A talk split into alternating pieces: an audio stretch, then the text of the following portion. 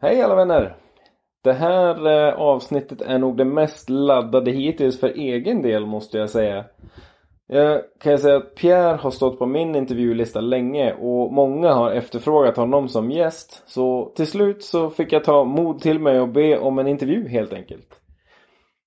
Med hjälp av sin kamera har Pierre Wikberg format och inspirerat en hel generation snowboardåkare med sin egna take på att visa upp åkarna framför linsen. Och alltså jag känner helt ärligt inte att jag varken behöver eller för den delen vet hur jag ska presentera honom mer ingående. För har ni gjort er läxa så vet ni precis vad han har skapat. Och jag hoppas att ni kommer få en en lite närmare insikt i hur det gick till. Och, och känner ni inte till Pierres verk så är ni varmt välkomna till det här avsnittet. Och jag hoppas att eh, ni kommer känna er riktigt taggade på att backa bandet och kolla filmerna i efterhand. Välkomna till eh, våran maratonkonversation om ett liv bakom kameran och visionen som skapat institutioner. Det här är Snowboardpodden med Pierre Wikberg och mig, Joel Söderström. Mycket nöje! Man, eh, Pierre Wikberg. Hej! Hej, välkommen! Tack! Kul att ha dig i soffan. Detsamma, det är kul, kul att vara i Åre. Ja, eller hur? Vi sitter på behörigt avstånd i soffan, vi Mm. noterar. ja, men du har ju varit i Åre ett litet tag.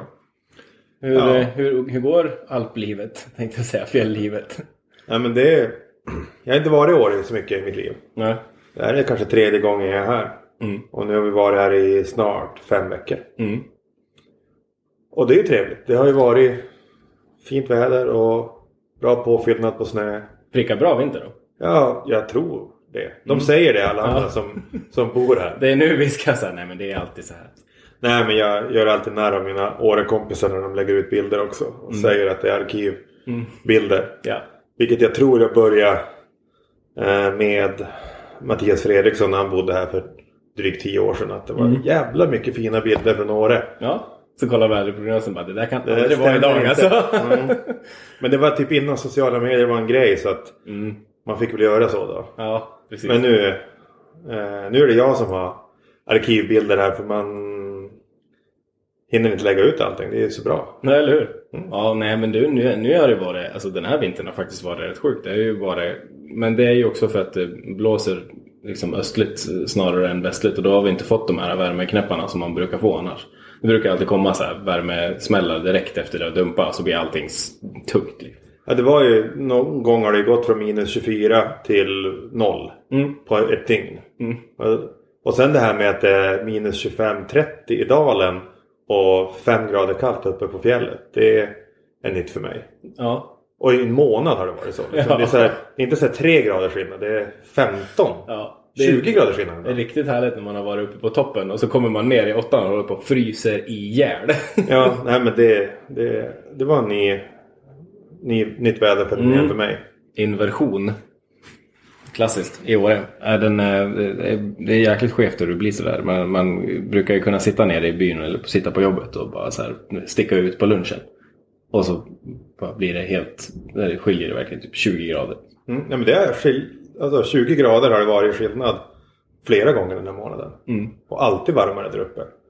Och sen vet jag inte hur många januari det har varit vindstilla men det här januari har det ju typ inte varit någon vind. Nej, och det är inte många januari det kan jag säga. Nej, det, jag prickar in det här bra. Kommer tillbaka om några år. Ja, det är bra det. Eh, du, vi pratade lite precis innan vi slog på micken just om, om, om det här med att ta sig till Åre och, och, och mecka iväg sig för, för en vecka. Vad, du, du tyckte liksom inte riktigt att det var värt eh, krånglet för veckan utan det, då får det bli en lång semester. Nej men jag har aldrig varit i Åre liksom. Jag är uppvuxen i Norrbotten och Västerbotten. Och liksom, för oss är det nio timmar hit från Luleå och Piteå. Mm. Och vad ska vi hit och göra? Mm. Det är typ halva, halva avståndet till riksgränsen. Ja, Och sen stockholmarna är väl här av andra anledningar kanske mer på hur bra restauranger det finns och hur bra boende det finns. Och de har lite andra plånböcker än de från, från norra Sverige. Mm. Men eh, det är långt. mm. Och eh, vi har just fått barn. Och packa bilen med barn och köra hit. Jag visste att vi skulle vara här en månad. Men eh, jag skulle aldrig göra det för en vecka. nej. Det är liksom... Men jag förstår inte. Jag har ju aldrig varit på ett sportlovs... Alltså fjäll... Mission tidigare heller. Nej. Och nu är det första sportlovsveckan så det är typ... Det låter ju som en eh, vet, inte, Göteborgsk båtmässa i kön och blandat med en SD-konferens. Ja. Det är liksom supermärkligt och så jäkla mycket folk. Mm. Och speciellt nu för vecka sju brukar ju alltid vara rätt lugn. Men nu är ju alla som, alltså väldigt stor del av de som brukar vara i Alperna är ju här nu. Mm, Så såklart. det blir ju en lite annorlunda twist på vecka sju. Liksom. Ja, nej men det var ju typ förra helgen också körde jag förbi och såg VM6an vid kabinen där. Bara från vägen. Och det gick kön upp förbi första krönet. Mm. Och nu är det ju coronaavstånd så kön blir ju längre. Men eh, man fnissar ju lite grann och rullar på ögonen. Ja, Eh, och ni som bor här och är här ofta måste ju verkligen se skillnad på det här förra coronaåret. Som inte kanske fick... Det var väl påsken kanske som fick en smäll. Mm. Men nu hela det här året så har det ju varit bara en konstig turism i Sverige. Ja. Men jag måste säga, de är, jag har åkt gondo- gondolen upp flera gånger den här tiden själv. Mm. Och när man har stått i den där långa, långa kön och sen hoppar man in i en, ett sånt där ägg och åker upp själv. Ja. Då känns det, det känns vaskigt liksom. Mm. Men Ja. också helt rimligt. Ja. Och jag såg faktiskt några, några vita kränkta män som hade lämnat Q7 där nere och hoppa in och de skulle tränga sig in för det fanns bara en person i ägget framför mig. Mm. Och då hoppade han ut. Och då kom liftgubben och assisterade. Liksom, "Men Förlåt, vad händer här? Ja. Ja, de kom bara in i min, i min gondol. Ja. Han bara, varför gjorde ni det?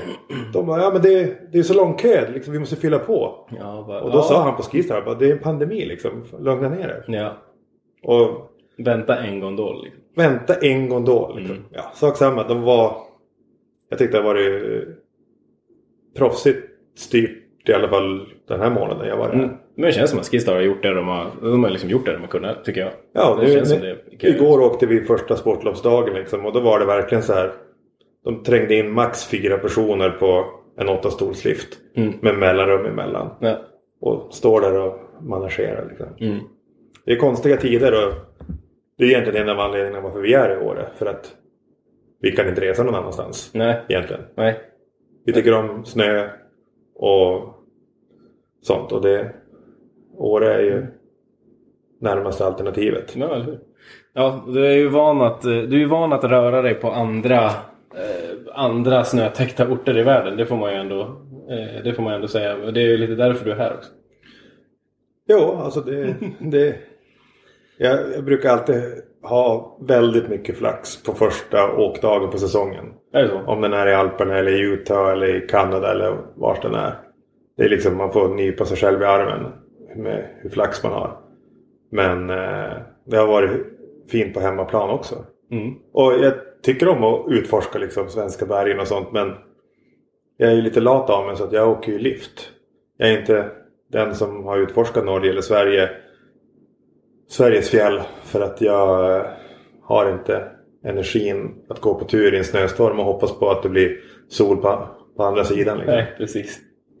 Nej, det, det, det köper jag ju i och för sig då. ja, nej, du har ju som sagt du har ju varit på, på rätt mycket olika ställen i världen. Vi, och, och ett ställe som, som, eh, du har ju, som vi har båda varit en del på, även om du har varit där mer än mig, är Kalifornien. Mm. Du har ju filmat eh, och varit och även bott va? Jag har bott där, alltså, någon gång har jag räknat att jag har bott där sex gånger. Ja. Men jag vet inte om det är fyra kanske. Mm. Men som jag liksom har hyrt och åkt till Ikea och köpt säng och Nej, men, sådär. Men det har aldrig blivit speciellt långvarigt. Aldrig mer än ett år. nej. För, för oftast på grund av liksom att jag har jobbat där eller någonting. Mm. Eddie, eh, Eddie Wall eh, lät hälsa att han undrar om du saknade Kalifornien tacosen. Mm, varje dag. Mm. Kan inte påstå att eh, Santa Maria-utbudet på ICA i år är, är sådär superbra. Det är inte riktigt samma sak. Nej, men jag bor på Södermalm och där har de lite mer exotiska influenser i mexikanska köket på, på butikerna. Men, eh, nej men gud, alltså när jag är i Kalifornien nu och förut. Alltså jag äter gärna mexikanskt alltså, två, tre gånger om dagen. Mm. I veckor. Ja, nej, jag, är helt med dig. Jag, jag älskar det. Jag, Det finns liksom jag, inget- signa under på den på en gång. Det finns liksom inget godare. Det finns så många olika sorters kök där. Liksom. Alltså, sättet de gör det på och sen, ja, det är liksom någonting man bara måste göra när man är där. Mm. Det känns helt känns jävligt dumt att bara gå hem och laga typ en måltid och koka potatis när du har 15 bra mexikanska kök inom fem minuter i bilen. Mm. Eller hur? Och sen är det väldigt mycket nostalgiskt också. Jag var till USA första gången när jag var 17 år. Mm. Och det har ju blivit väldigt många resor sedan dess. Och då vart man ju kär i mexikansk mat fast på Taco Bell-nivån. Ja, Vilket- ja, precis. Men sen dess har smaklökarna utvecklats lite grann. Men inte supermycket. Man har ju fortfarande samma, man har ju de preferenser man har liksom. Precis, jag blev ändå pe- pepp när jag såg ett Taco Bell i Helsingfors förra året. Bara helt plötsligt bara uppe i en gränd där bara Taco Bell. Ja, Men jag fick inte med mig någon att käka nej. Men jag vet ju att det är egentligen hundmat paketerat med lite godare kryddor. Men det är ju också lite gott. ja, det, är också nostalgikicken. Som, Ja, nostalgikicken är... Men den är annorlunda när du sitter och tar en Taco Bell liksom i, i en bil i USA eller sitter på en skateboard i USA liksom på en trottoar. Mm. En, en kall decemberdag i Helsingfors. Ja. Det, ja, det blir lite skillnad. Lite skillnad. En, eh, en chipotle på, på Venice är ju, det kan, ju, kan ju vara bland det bästa. Liksom. Ja, men alltså, allting smakar ju bra egentligen utomhus till att börja med. Och när du är i Kalifornien så äter du ju nästan uteslutande utomhus. Speciellt jag som inte föredrar att sitta inne i aircondition rum. Mm. Så att man sitter ju alltid utomhus. Ja. Och det gör du ju här på fjället också. Allt är godare på fjället än vad det är hemma. ja, mat är godare utomhus, så är det ju bara. Ja, men du, eh, apropå, apropå mat och eh, att du har rest en hel del. Vi, vi kommer till, komma tillbaka till snowboarddelen av det här. Men matsidan så har jag fått eh, höra att du har lite åsikter om, om, om det är så att någon tar med sig egen mat på flyget. Är det här, är det här något som eh, stämmer det? Alltså, jag tar ju med mig egen mat på flyget ofta. Mhm. Men som är luktfri. Ja. För jag tycker inte att det är rimligt. I USA speciellt för Alltså nu innan Corona, nu är allting annorlunda. För nu tar väl nästan alla med sig mat. För det är som man serverar mat. Nej, jag har knappt rest någonting sista året. Nej. Ehm, men vi får ju rätt bra mat om du flyger till München eller till Helsingfors eller någonting. Du behöver liksom inte fylla på på flygplatsen. Nej. I USA finns inte det. Nej. Har aldrig funnits. Inrikes eller någonting. Så att du måste ju fylla på. Men det är ju lite provocerande när du kommer in där med så här Pizza Hut Slice eller riktigt surt McDonalds mål. Mm. Och sätter dig bredvid det. Eller ännu värre, någon typ hemgjorda nudlar eller någon surkål eller någonting och öppna upp Tupperwaren. Det är liksom... Det är inte okej, det är inte civiliserat. Nej. Men man får ju liksom sänka alltså sin, sin, vad ska man säga, sina förväntningar på mänskligheten när man är på en flygplats. Ja. Liksom det är inte, när man ser folk ställer sig upp direkt man har landat och ska längst fram till bagagebandet och hämta väskorna. Då finns det ju inte så mycket hopp om mänskligheten. Nej. Då är man, då är man stressad for, for very small reasons. Och har man inte löst det där att folk kan vara civiliserade på en flygplats och på ett flygplan då, då, kommer, då blir det inte bra i samhället heller. Nej. Är min korta hobbydiagnos. Ja, jag är beredd. Hobbyanalys heter det. Ja, precis. Ja, jag är beredd, och, eh, jag är beredd att hålla, hålla med. Du, eh, men du Pierre, eh, vad, du, du nämnde lite tidigare var, var du är ifrån och sådär. Vill du, vill du berätta lite var du, var du kommer ifrån? Hur är du uppväxt? Och... Jag är uppvuxen utanför Pite i en uh, by som heter Norrfjärden. Mm. Där alla körde moped och ingen åkte skateboard. Jajamän. Så då började jag hänga så då började jag hänga i Pite. Som är bara alltså, en mil med buss in. Och där träffade jag massa tuffa skateboardåkare som var som mig. Och så började man typ sova över där från man gick i typ femman kanske. Och så åkte vi skateboard. Och sen kom snowboard 89. Och samma sak där. På Vallsberget var det bara skidåkare. och inga snowboardåkare. Och så 89 fick jag min snowboard. Det var väl julen 88 men 89 började jag åka. Och eh, fan man byggde hopp utan att man ens kunde åka snowboard. Det var ju bara att köra rakt fram till hoppet och göra någon method-variant. Min method är inte utvecklad sedan 89. Den ser fortfarande lika risig ut. Fast den jag är goofy så har jag aldrig listat ut den här Jamie Lynn grejen. Jag känner mig mer som Fabian Rörer eller någon annan. Mm. Inte lika smickrande goofy method. Och ja, där så hade likt vad jag tror. Jag tror det är samma sak nu typ. Där hade Pete Alpina halva backen för typ 16 kryckåkare. Mm. Eller 5 kryckåkare. Och vi var väl 30-40 som åkte snowboard där 89-90. Mhm. Byggde 3-4 hopp om dagen.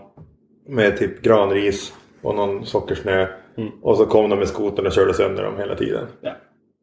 Och så höll det bara på så. I, i all oändlighet. Jag vet inte ens om det är så Fan. mycket bättre nu. Fan, det krävs mycket kämpaglöd för att hålla i den då.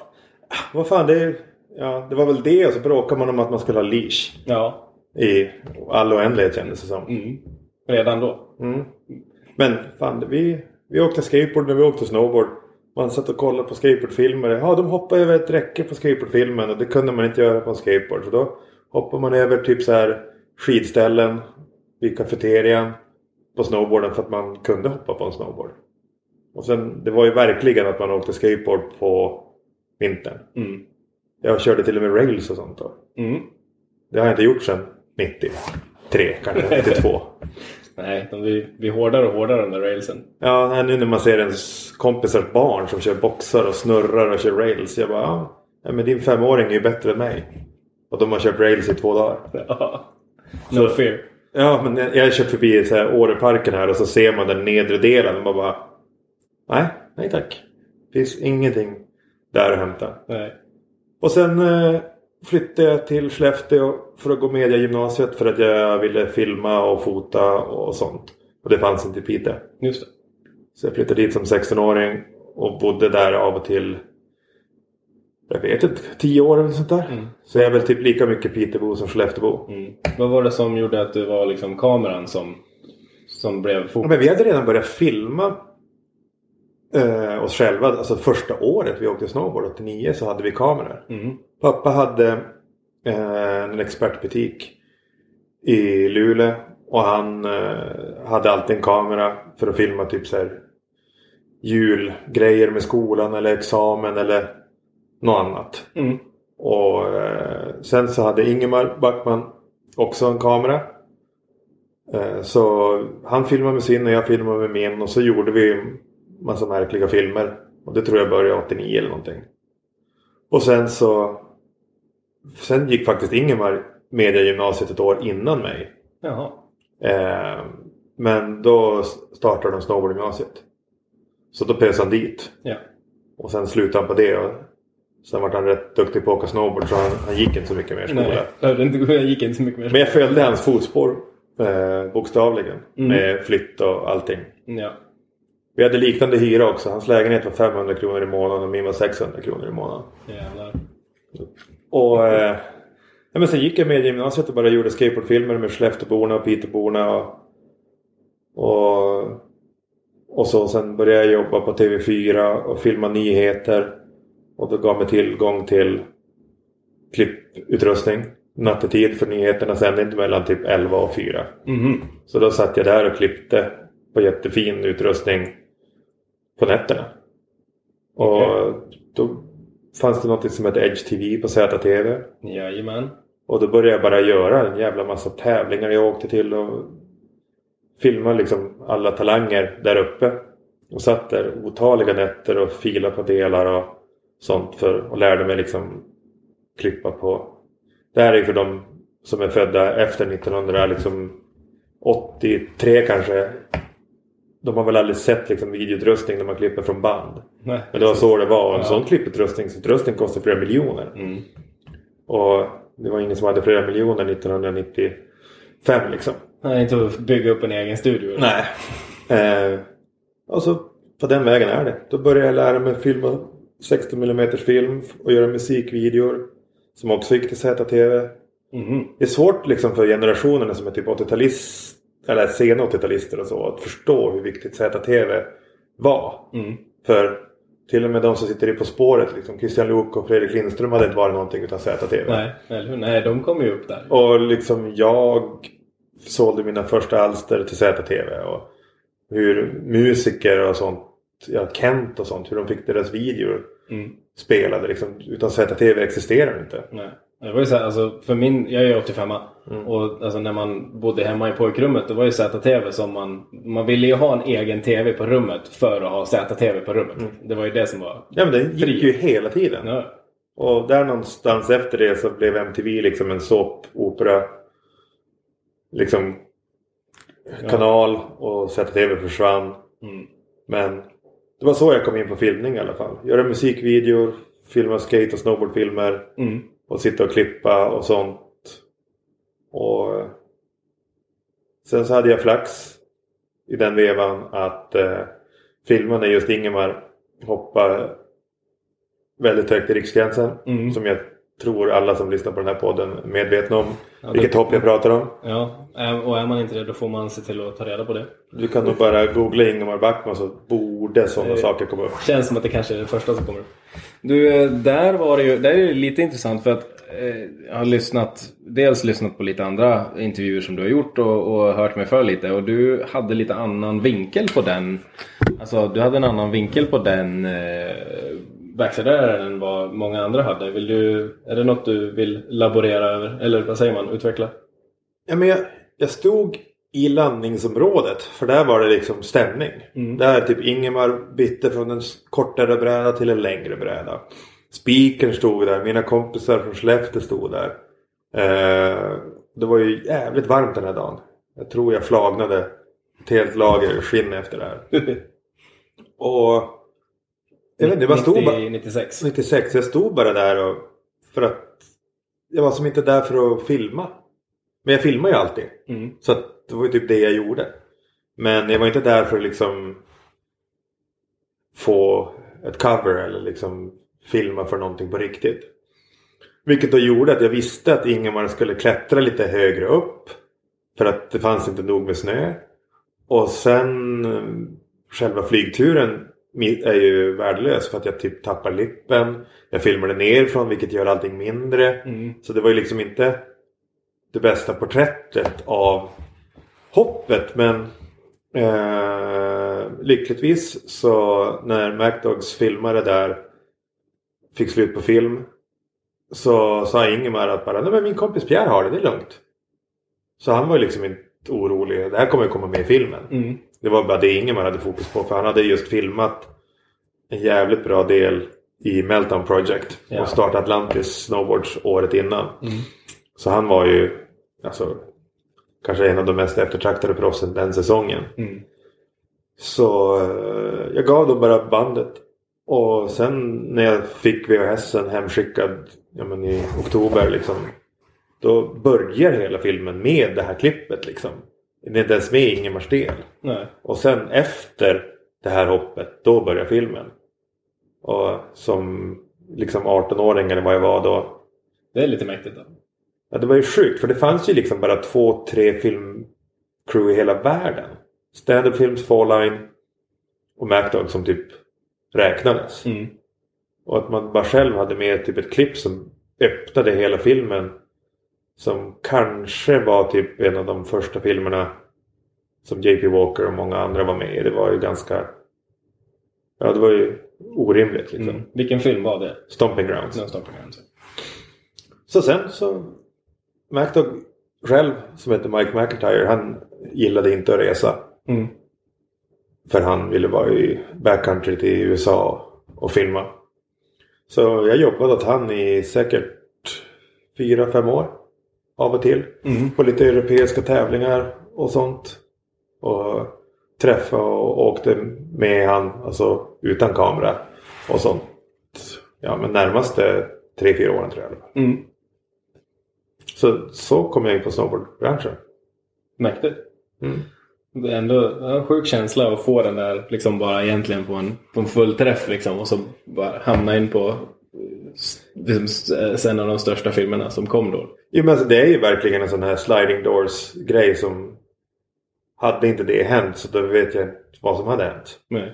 Ja, Alltså- det, du hade ju säkert, jag menar med tanke på eh, Alltså med facit i hand så har du ju säkert filmat snowboard ändå men det kanske inte hade hänt på samma sätt. Ja men det gav mig också en jävla gräddfil till liksom en åkare som jag filmade nyss.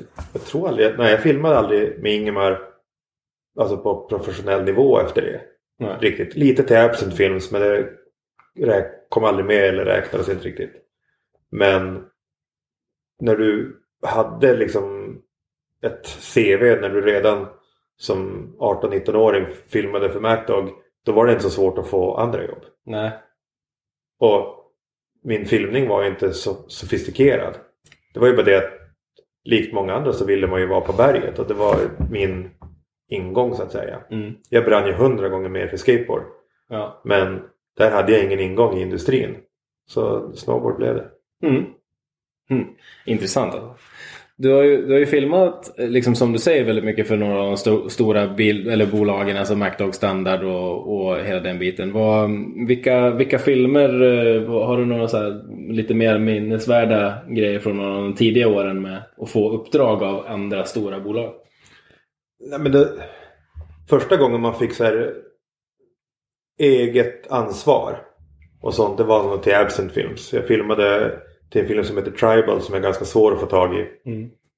Eh, och sen Transcendence. Och sen... Nej, det var bara de två. Men då var det väldigt fritt. Och då fick man ju åka. På den tiden så var deras åkare Roman DeMarchi, Jan-Petter Solberg, Olle Nivel, Steve Gruber och några andra. Det var typ mitt crew. Och att liksom bara få åka ut fritt. Alltså vilken resebudget du ville. Vilken alpby du ville och filma snowboard var ju Alltså det är som ett sånt låtsasjobb så att man kunde få betalt för det Ja. var ju svårt nästan att förklara för ens föräldrar. ja. Att det går. ja. Och, Vad sa de när du var liksom, nu ska jag ut i världen och filma snowboard? ja, det var bara kör på. Ja. Ja, mina föräldrar var ju bara drygt 20 när jag kom till världen så att de har inte varit speciellt gamla heller. Nej. Så att eh, Nej men det Det var ju fan helt otroligt. Alltså, och det fanns väl inte riktigt så här Ett jobb. Alltså jag tror inte att det var så många som levde på att filma snowboard. När Meltdown Project och Stomping Grounds kom ut. Jag kan inte tänka mig mer än att det var ett dussin människor i världen. Liksom. Ja, nej. Med tanke på hur många, eller hur få snowboardfilmer det fanns så fanns det inte så mycket att bygga vidare från. Nej men om du kollar på typ en Whitey-film eller liksom en MacDog-film. Det är så här fem filmare, fyra kanske. Mm. Och det fanns inte mer än fyra filmer per år. Nej. Något sånt. Mm. Så att med Absint så öppnade det upp massa möjligheter att se Alperna och sånt. Jag kommer ihåg första gången jag klev ur hotellet i Innsbruck och tittade upp på kvällen och så bara Fan vad är det där för någonting? Är det typ satelliter eller någonting? Bara, det var så här toppstugorna på bergen. Jag bara, vad- fan? Mm. Jag hade aldrig sett någonting som var 2000 meter rakt upp från typ en gata. Nej. Det är som Kebnekaise liksom från, från Sergels torg. Det var Ja. helt orimligt. Ja. Nej, det, det är en, en absurd upplevelse första gången det där. Mm. Och sen så, jag, hade bara så jäkla flax att jag träffade bra folk i Absent Films som fortfarande gör samma filmer. Eh, på gott och ont. Mm. Mest gott. Men Ja. de är ganska trogna sin formula. Mm. Men eh, ja, det är, jag tror inte ens jag hann riktigt drömma eller tänka på det. Jag har ju tänkt i efterhand att det var många som kanske ville bli snowboardfilmare och snowboardfotografer i Sverige men fick som var duktiga men aldrig fick det liksom att klicka. För det gällde ju egentligen bara att känna rätt personer. Mm. Och det fick jag ju serverat på ett silverfat. Så Mm. Ja. ja, lite mäktigt. Vad, vad pratar vi för år här då? Är det, här, är det liksom åren direkt efter? Eh, Absent Films film är 99 och 2000 ja, okej. tror jag. Ja. Du har ju en, för du har filmat en ganska, en ganska eh, känd backside air från, på Ingmar i Innsbruck också va? Apropå Innsbruck. Eller? Är jag ute och cyklar nu? Vilken är det? Är inte den med på... Jag har en, en, en, eh, en notis. Är den med i Afterlame? Som en liten så här eftertextgrej. Minns jag rätt nu? Eller är jag ute och cyklar? Jag kan vara ute och cykla. Men nej, jag, jag kan också ha ett, ett foggy memory här. I Innsbruck? På någon sån här en style tävling typ. Nå, nej. Nej. Men däremot så vann han ju där 98 för andra gången. Mm. I Innsbruck. Ja, det Och kanske är det jag det, tänker och det på. filmade jag åt MacDog. Det är kanske det jag tänker på då. 98, då gjorde han en, en 180 om 540. Mm. Med jävligt bra nosebone. Ja. Men eh, det var första gången jag var full också. ja, Som 21-åring. härligt. Mm. Hur var det? Ja men det var, det var härligt. Mm. Ja, men det var ju goda vänners lag. Min typ, kompis David som gick i gymnasiet var där och filmade åt ZTV. Mm. För jag fick dubbla uppdrag. Ja. ZTV ville filma tävlingen och jag filmade åt MacDog. Så då gav jag han ZTV-gigget. Och eh, sen så vann Ingemar. Det var jävligt. Det var bara trevligt. Mm. Mina kompisar var där. Patrik Karlsson var där. Jon Olofsson. Ja, min kompis David från Skellefteå, Ingemar och alla jag hade lärt känna under det året. Mm. Så ja, det var stämning. Ja, jag tror det. Eller är det en barndomsvän, David eh, Gren? Precis. Som du pratar om? Ja. Han, han flikade faktiskt in lite. Mm. Eh, och eh, enligt honom så, har- så har du också fått smeknamnet på Edge TV som Video Jim. Alltså videogin kommer från Eller på, ja. det, det kommer från skateboardfolket i Stockholm sommaren 94. Mhm, Okej. Eh, det var, jag flyttade ner till Stockholm under sommaren 94 bara för att filma. Det gick jag i gymnasiet ja. ja. Med, och då bodde jag i olika kollektiv på olika soffor. Med lite norrlänningar och lite stockholmare. Och jag ville typ skata lite grann. Men jag ville ju filma hela tiden. Och på den tiden så, hade liksom inte alla gäng en fotograf eller en filmare kanske som man har haft sista tio åren. Alltså det finns ju alltid någon i Östersund som filmar. Mm. Det finns ju alltid någon i Perstorp som filmar och fotograf i Bollnäs och så vidare. Ja. Men eh, på den tiden så var det ju Folk tyckte jag var jättemärklig som filmade liksom. Fan, fan vad du filmar. Mm. Och då i Stockholm fanns det en som hette Magnus Gyllenberg och Pascal Striver som också filmade mycket. Men Mange skatade också väldigt mycket. Och jag var inte så intresserad av att skata och jag var inte speciellt duktig heller. Och jag tyckte det var så mycket roligare att filma när Andreas Engelkes eller Rikke Sandström gjorde typ sin livs bästa backside kickflip och jag råkade filma den. Mm. Jag liksom gick igång så mycket mer på det än att åka skateboard. Mm. Och då började de kalla mig för videogym. Ja, fattar. Så det har nog är nog mindre än två, tre människor som var med när det hände. Men sen så höll det kvar sig i Skellefteå ganska länge. Mm. Smeknamn har en tendens att hänga kvar lite. Ja men det är väldigt lokalt. Det är så här Ja. fem personer i Skellefteå. Som när jag ringer eller när jag träffar dem då skriker de Jim! Jag, ja, det, det ligger... Jag, alltså, det, betyder, det är ingen dåliga känslor men det är, liksom så här, det är bara inte synonymt med mig. Nej, jag fattar. Men du, eh, vad var det i, om, om vi ska surfa tillbaka lite till de här videoprojekten som började hända där, eh, 2000-ish. Vad, vad var det som, vad, hur gick banan ifrån att ta liksom, uppdrag av de här andra bolagen till att, ni, eller att du gick vidare och startade lite egna projekt? Vi satt en gång... Jag filmade åt Absent Films 2000 eller 2001. Eh, I Hemsedal. Och eh, då var Standard Films där och filmade. Också på... De byggde en jävla massa hopp på den tiden.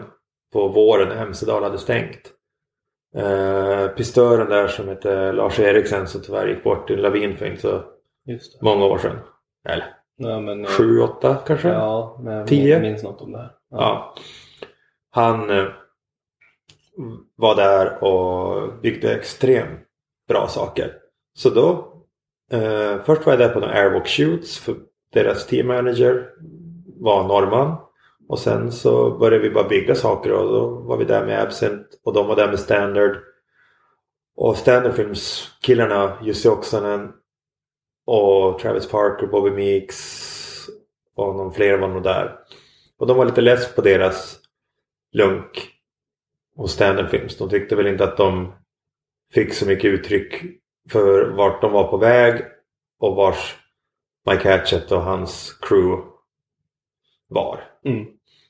Så då frågar de mig bara egentligen helt upp och ner. Fan du filmat det Absent. Ja. Fan ska vi inte starta någonting själv? Vi borde göra någonting själv. Och jag hade typ känt dem i en vecka eller någonting. Mm. Och jag hade Stort liksom- förtroende för väldigt fort då. Ja, men de slet lite grann Ian Petter Solberg också. Och så kände jag Billy Ylilä om honom mycket väl. Och han filmade med MacDog då eller någonting. Jag tror till och med vi var alltså, rumskompisar i Stockholm vid det här tillfället. Jag minns inte riktigt. Mm. Och då sa jag bara till dem på Absent att jag ska prova att starta någonting nytt. Men det var egentligen inte att jag inte fick uttryck för mina saker. Jag gillar lunket där. Och jag hade ju bara filmat Snowboard i två år. Det var ju fortfarande typ ett jävla drömjobb. Mm. Att man sen då insåg att de här sponsorpengarna som man drar in till ett filmprojekt kunde jag dra in. Tillsammans med de här från Standard. Och så kan man göra vad man vill. Mm. Det var ju ännu, ännu orimligare. Liksom. Nu får man göra det på ens egna liksom, villkor. Och till saken ska tilläggas också att det året så kom Apple ut med en Macbook Titanium någonting heter den. Som var den första bärbara liksom, datorn som du kunde klippa film på. Med, tillsammans med Final Cut Pro. Mm. Så helt plötsligt så kunde du för typ 40-50 tusen ha programvara och en dator som var bra nog att klippa vilken snowboardfilm som helst på. Mm. Som det gick att ha med sig också. Ja, gud ja. Alltså jag har fortfarande inte haft en stationär dator Nej. sedan dess. Så det här var liksom 2001. Ja. Så eh, det gjorde ju att vi kunde typ starta det här. Mm. Utan den teknik, det teknikhoppet egentligen, så hade det nog inte skett. Nej. Och sen i efter oss så kom det ju typ massa liknande filmprojekt som heter Neoproto och många andra som bara Fan vi har ju Vi kan ju klippa själv. Mm. Men det var ett jävla förtroende man fick. Och det var fan drömläge liksom. Välja musik och Mm. vi hade bara klippt några små saker på datorn innan vi satt och klippte Afterbang-filmen. Och ja, det syns ju nu när man tittar tillbaka på det.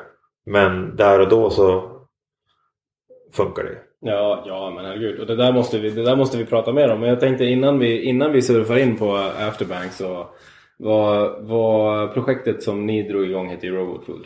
Precis, så då Standard Films som var typ det stora gardet bakom. De tog ju nästan alla från Standard Films eh, film eh, Optigrab. Ja. Alltså Chris Inglesman, Parker, Bobby, David Bendek, Jussi. Jag vet inte om Louis Fountain filmat dem. Och, eh, och sen så kommer vi lite med lite eh, finska och norska och svenska influenser dit också. Och Mm. fan, vi hade svinroligt liksom. Vi gjorde en teaser tidigt i januari när vi hade filmat typ på olika håll. Och på den tiden så tryckte man upp hundratals med typ DVD och gav ut på mässan i Las Vegas för att visa att det här gör vi. Mm. Och det var en jävla hålligång för ingen annan filmmakare då hade ju gjort någonting. För det var ju så här 10 januari. Mm. Ingen hade ju filmat eller tänkt på att man skulle måste marknadsföra sig. Så då fick vi fick en jävla bra start liksom. Vi hade en kul teaser och ja, alla trodde på oss. Mm. Men sen var det också ganska skönt för det var man visste att man inte skulle göra en Absent Films. Man visste att man inte skulle göra någonting som MacDog. Och det var väl det som gjorde att man gjorde det man själv hade gjort. Liksom som en kompisfilm. Mm. Då, samtidigt som det här var, eller året efteråt, så gjorde Johnny Malmi och Paavo Tikkanen en film som heter Eurogap. Ja. Som är en av mina favoritfilmer. Mm. Jag har snott musik därifrån och allting till Ja. andra projekt efteråt. Den Så- är jävligt bra. så man kan hitta den online någonstans. Så det är bara liksom lite så här kompis-vibe. Nu hade vi film och lite mer budget och lite mer åt standardfilmshållet eller vad man ska säga.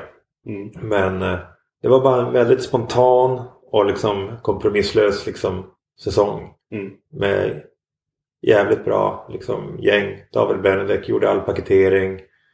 Bobby jag gjorde alla titlar i, i uh, After Effects. Och så vidare. Mm.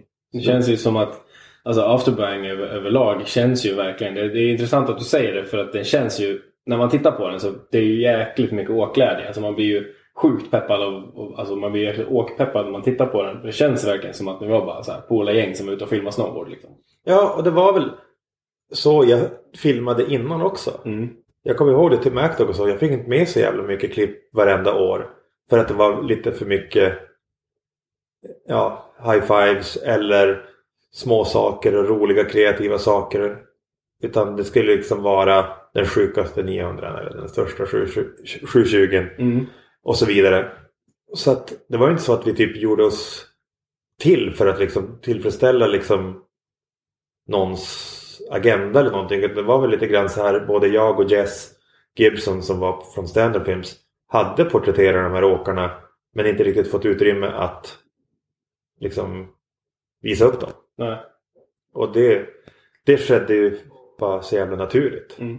Sen efter ett år eller två eller tre då kändes det så här lite cringy att typ sätta in en high five efter ett hopp och sånt. För att det kändes ja men typ som att lite som att man tvingar fram någonting. Mm.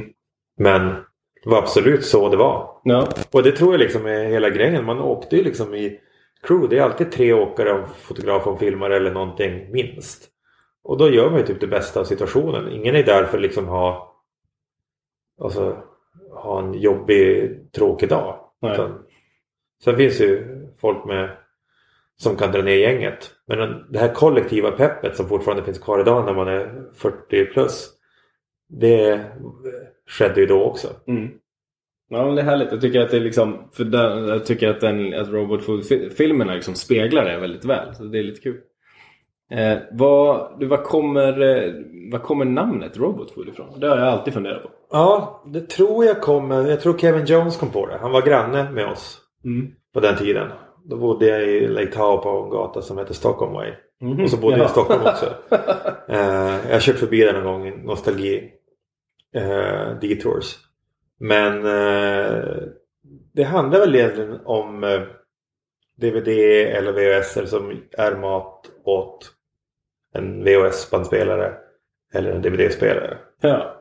Att VHS är roboten liksom. Ja.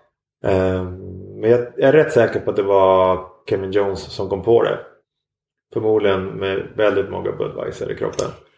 Men han och Travis Parker de var jävligt bra kompisar och som sagt vi bodde bara några hundra meter ifrån varandra. Men han satt fast i andra filmprojekt och sånt så han kunde inte riktigt slita sig men han hade nog kunnat vara en del av vårt crew. Men han var så inne med standardfilm så mm. hade, han var så bra. Sponsor, sponsorerna ja. var där och han var nog emotionellt ganska attached till de som mm. gjorde dem. Ja, ja men rimligt. Ja, det var, det var ju ändå, det är ändå logiskt när man tänker på det. Jag har, jag har inte tänkt på det på det sättet. Nej, men jag kunde ju inte typ stava till det på, under hela de vi filmade i, tillsammans i tre år. Mm. För som svensk så skriver du ihop allting. Mm. Så jag skrev typ robotfood som ett ord. Ja. Och våran URL och allting på den tiden var robotfood.com. Så typ fortfarande idag när jag liksom Nu har man ju fan läst engelska i 35 år. Mm. Och jag kan fortfarande inte lära mig när jag ska skriva isär och skriva ihop saker. Typ i Sverige så säger du roadtrip som ett ord. Ja. Men du blir ju liksom halshuggen ja. om du skriver roadtrip ja. som ett ord. Amerikanerna skriver inte ihop någonting. Nej, det är allting så här. Jag bara så här, liksom all... kameraryggsäck är typ ett ord här. Mm. Här, för, här blir man ju mobbad om man så här skriver. Ja, precis. Det, nu, nu har jag ju liksom en vokabulär och skriver som en tolvåring enligt min fru och hon ljuger nog inte.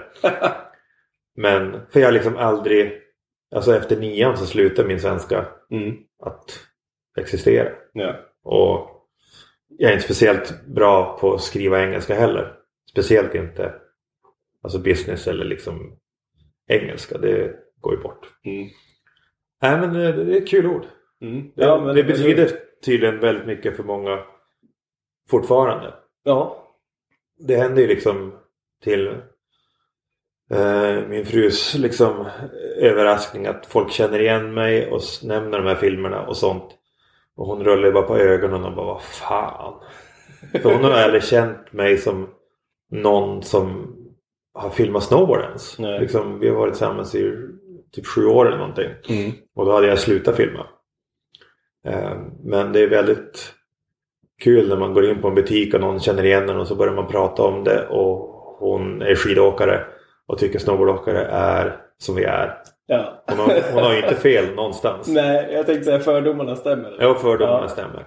Eh, men eh, det är liksom, vi satte nog ett bra avtryck. Det är jag stolt över. Mm.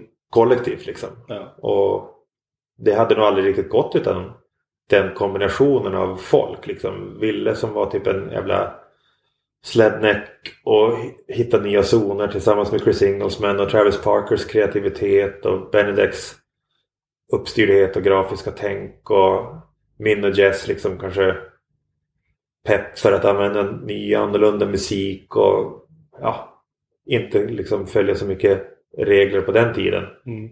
Fastän man säkert i alla fall 50% följde någon viss formula.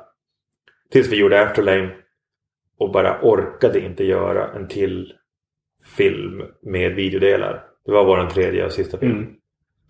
För det är lite svårt kreativt att liksom alltid ha ett början och ett slut med typ någon grym rookie som ingen hört talas om i början och typ något jävla banger sista ender-delen på slutet. Som filmmakare är det liksom inte superkul. Ja.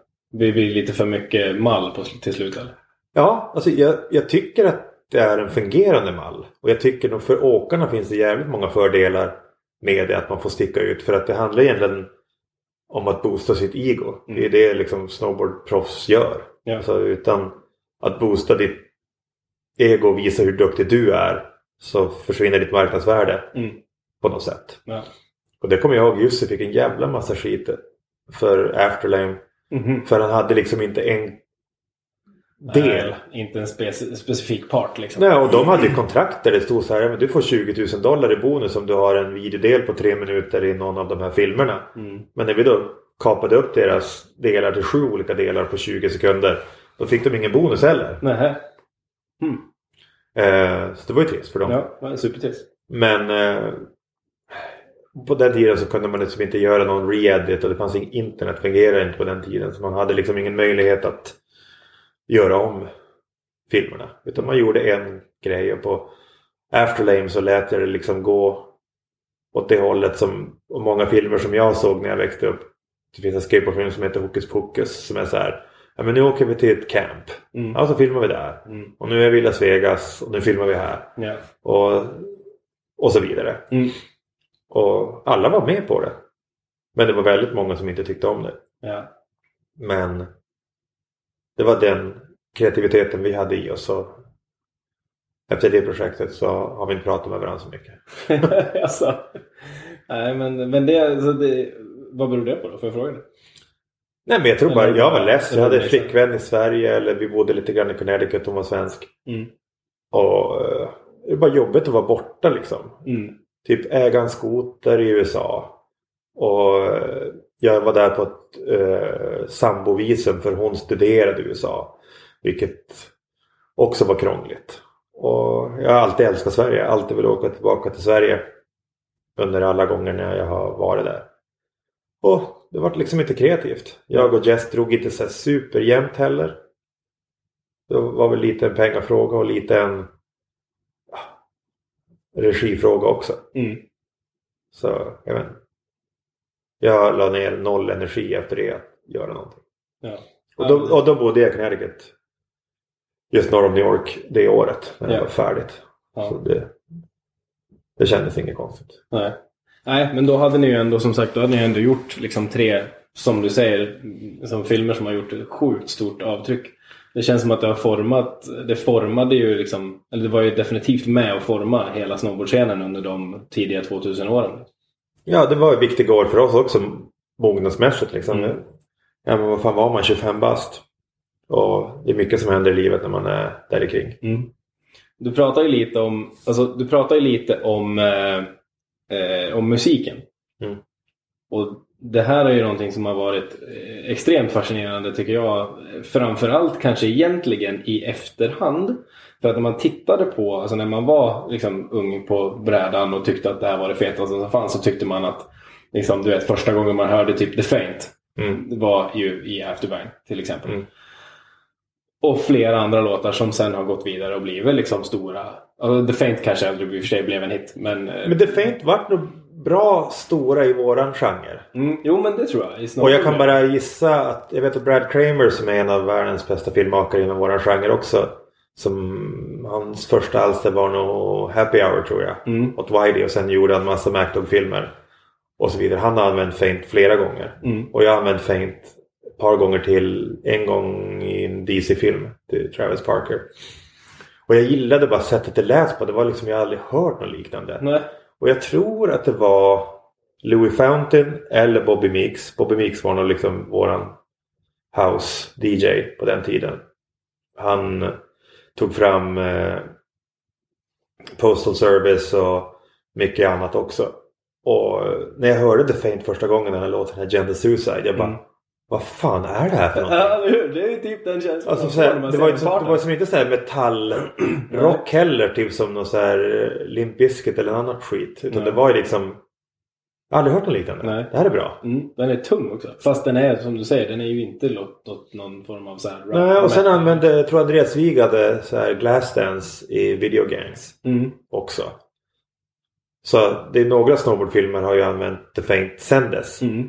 Sen om man var trendskapare eller om det hade hänt hur som helst, det vet jag inte. Jag är- jag är nog beredd att säga att eh, ur en, ur en eh, amatörsynpunkt så tror jag definitivt att ni banade ganska mycket väg. Ja, men jag tror typ att Jason Murphy som på den tiden åkte för Burton.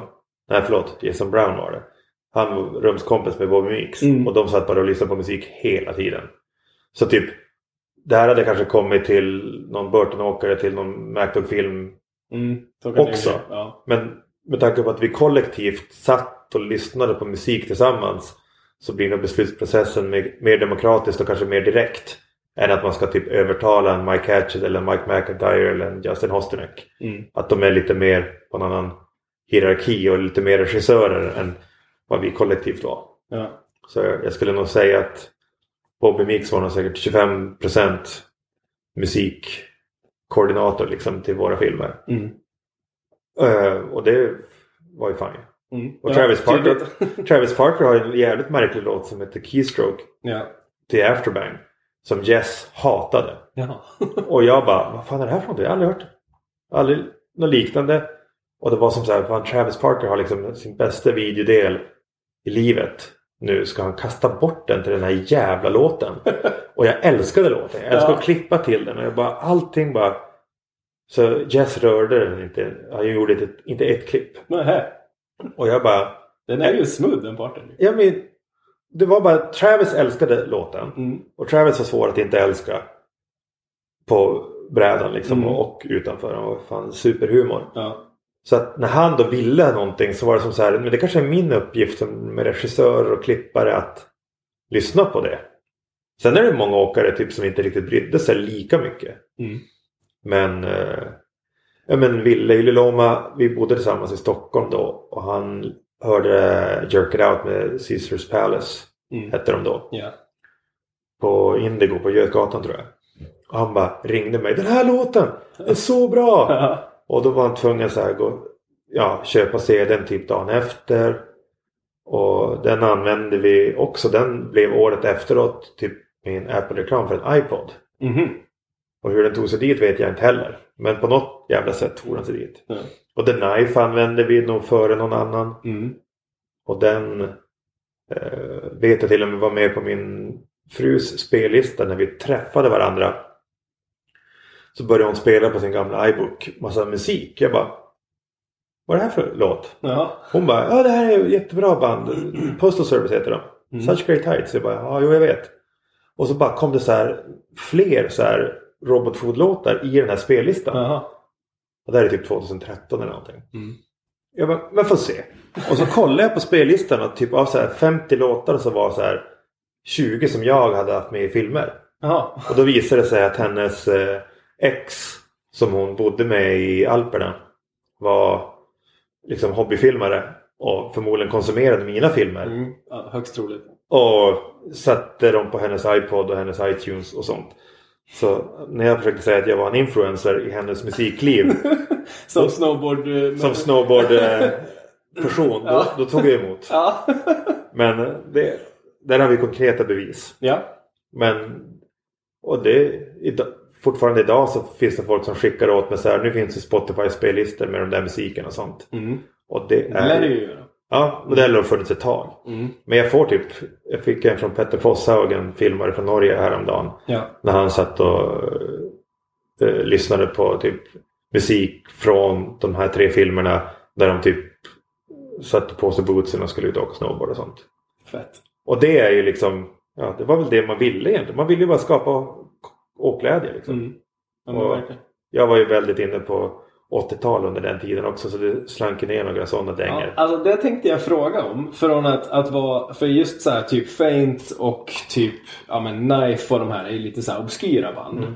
Och sen så helt plötsligt så dels, dels eh, den här 80-tals liksom twisten, det är lite Billy Idol. Billy Idol, den låten jag älskar sen jag såg Can't Buy Me Love första gången. Ja. Och den är med i någon sån här college Mm. party scene där. Svinfet låt. ja, och sen Mm. Bill, och Benedict älskade den. Och den passade superbra tyckte jag också. Mm.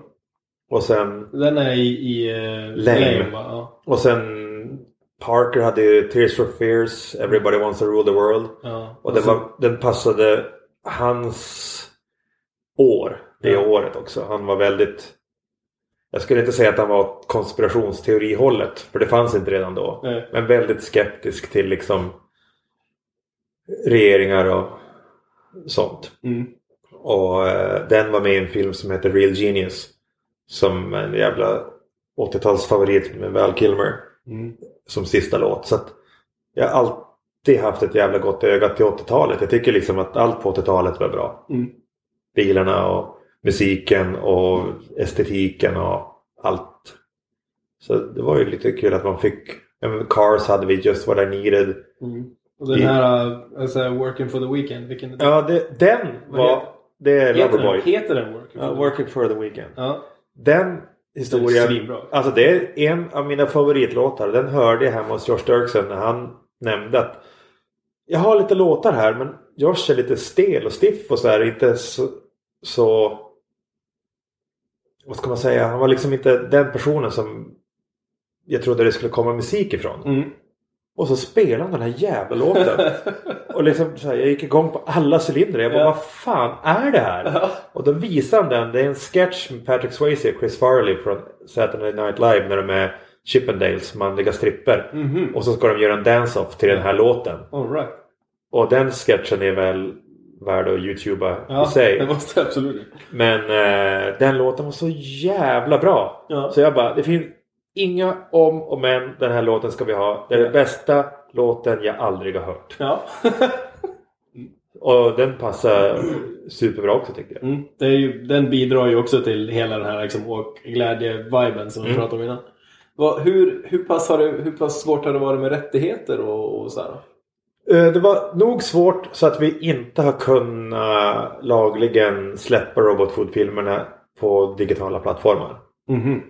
Jag skulle säga att vi clearade kanske 90%. Alla utom en eller två låtar per film. Som typ antingen inte kom tillbaka eller som inte gick eller som hade för krånglig administration.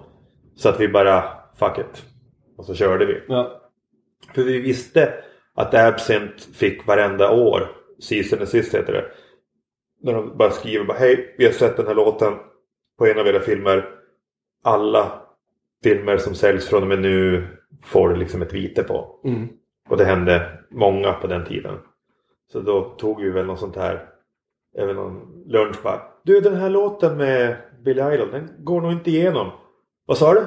Och så sen typ använde vi den ändå. Ja. Men vi betalade så gott vi kunde för allt. Mm. Men det var också en jävla lång process att bryta. Det blev krångligare sen med, när jag gjorde filmer åt DC. Och sen när man började göra webbfilmer. Det är liksom, kan man prata ett helt jävla poddavsnitt om musikrättigheter. Mm. För det är inte ett bra klimat. Det är inte... Det är så jävla synd för det jag växte upp och se på skate och snowboardfilmer där man hörde NoFX och Mm. Pennywise och sånt på grund av filmer. Och det var oftast ett argument att bara Tjena! Vi ska göra en snowboardfilm. Vi ska ha med den här låten. Och då var det som så här Ja men den distributionen och den exponeringen vill vi nog ha. Mm. Eller hur? Och sen där kring Pirate Bay-eran och DVD-eran och Napster och sånt. Och då slog hela musikbranschen bakut. Ja. Och den har inte bättrat sig på 15 år. Utan Nej. bara blivit värre. Så vi har definitivt tänkt. Nu är det 20 år nästa år sedan Afterburn kom ut. Mm. Och jag har suttit och filat på det där länge hur vi skulle kunna göra någonting. Den coolaste idén jag har sett hittills det var ju Videogangs som har släppt alla sina filmer på en USB-sticka. Som är formad som en Sony VX1000-kamera. Jaha. Och så har de typ 16 filmer eller någonting på den. Det har jag missat. Och eh, vi har ju tre filmer och jag har ju allt material på flera olika hårddiskar. Men jag typ ville börja så här läcka ut lite saker på Instagram. Behind the scenes grejer, bonusgrejer som fanns på DVD. Och vi hade så konstiga koder och sånt som gör att man kunde kunna se. Alltså vi hade så tre timmar bonusmaterial på vissa filmer. Och alla hittade inte alltid de där. Nej. Så sånt här vill jag läcka ut via Instagram eller någonting och försöka så småningom kanske släppa en trilogi Mm. en gång för alla. Mm. Men eh, musikrättighetsmässigt så har det typ inte fungerat. Kanske att man får typ strippa bort de låtarna och ta in typ en trubadur som sitter bara och typ spelar någon karaokeversion av den. Eller bara ta en karaokeversion av typ om det nu var Billy Idol som inte gick igenom till Ja. exempel. Det lär ju finnas en uppsjö av karaokeversioner på den. Ja men typ. Jag vet inte fan hur det skulle fungera. Men på den tiden då skrev man kontrakt på typ så laserdisk, DVD, Mm. VHS, typ Umatic, Hi8, allt. Men Olika ingen forum, visste liksom. vad streaming var då. Nej. Så sen kom det lite senare att då, när man skrev musikrättigheter att då skrev man in perpetuity for formats not yet invented. Oj. Så det är liksom för alltid. Ja. ja. Så därför kan man slänga upp massa saker på Youtube och sånt. För att man hade det i skrift redan då. Mm. Men den den framförhållningen hade inte vi. Nej. Nej, lätt att vara, eller lätt att vara efterklok men det är ju det är ju sjukt intressant att höra bara för att ni har ju verkligen liksom Det känns som att ni soundtrackar liksom en hel typ snowboardgeneration. Men den är också som du säger blandad. Alltså det var väl min förkärlek till 80-tal. Men sen också typ så här Bobbys och många andras liksom finger på pulsen. I vad som gällde. Mm. Och sen eh, ramlar ju Teddy Bears in eh, i Afterlame kanske Ja. med Yours to Keep. Ja men då hade vi redan använt Caesars. Mm. Eh, så vi hade någon in Alltså, det är där. lite samma. Och den passade ju superbra. Mm. Jag tror inte ens att det var, det kanske var att den fanns på mitt iTunes på den tiden. Men det var liksom inte jag som var drivande. Alltid varit lite skeptisk till att ha med svenska band. Men ibland är det liksom jävligt enkelt. Jag har använt Soundtrack of Our Lives i en DC-film också. För att det gick att få mailkontakt med Ebbot. Mm. Och han fick se en rough cut. Och så pratade han med bandet och så pratade de med label och så pratade de med publisher. Och så går det typ. Mm. Men ibland går det liksom inte utan den kontakten. Nej. Vi använde Weezer i Afterlame också. Ja, Till Alaska-delen. Mm. Och då skulle Rivers i Weezer se den. Innan det var okej. Mm. Och när han såg den så var det okej. Och samma sak med i Transcendence använde vi en film. Eller en låt från någon David Lynch-film.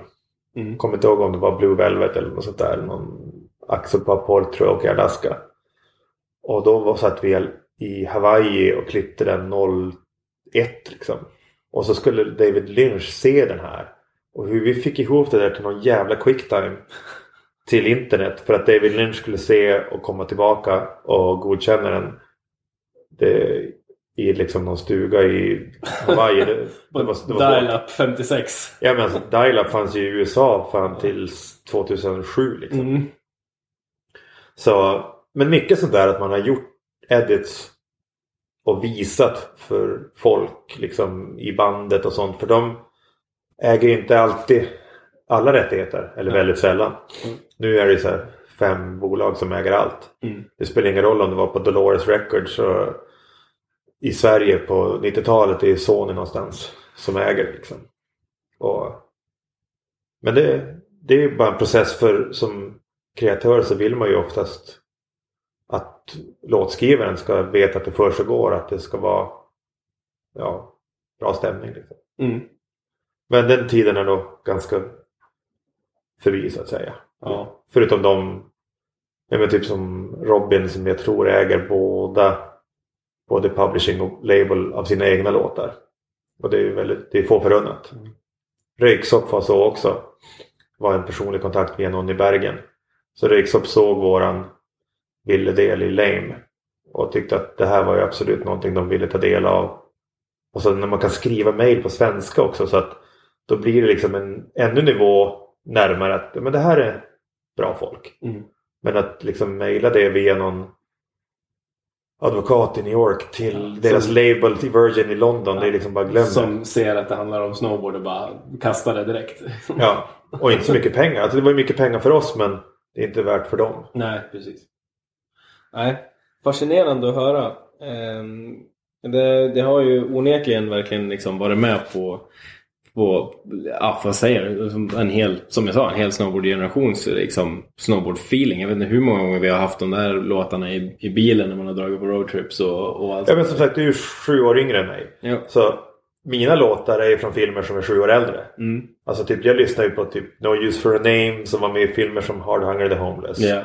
Och alla Plan B-skate-filmerna från så här 91, 92 och sånt. Det var ju liksom exakt det man hade den perioden i livet när man liksom hade kanske mest åkpepp. Eller Mm.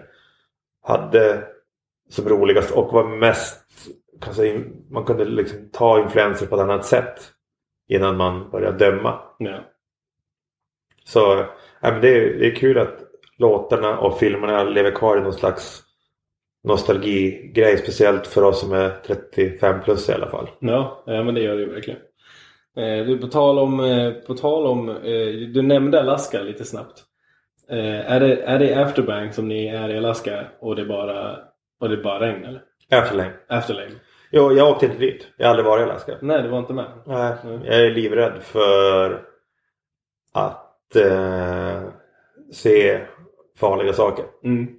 Jag har inget problem med att åka i Alperna eller i side country till Åre och kanske se någon liten lavinrackare eller se någon bruten arm i parken och sådana där saker. Men när det blir allvar i Alaska, Mm. När, när pulsen slutar gå och sånt, det har jag aldrig intresserat mig. Nej. Så jag har hållit mig borta därifrån. Mm. Av typ den anledningen. Mm. Ja, men, Men sen vill jag ju som vuxen har jag alltid velat åka till Alaska.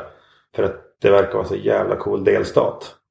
Alltså hur långt bort det är och hur märkligt det är. Och Mm.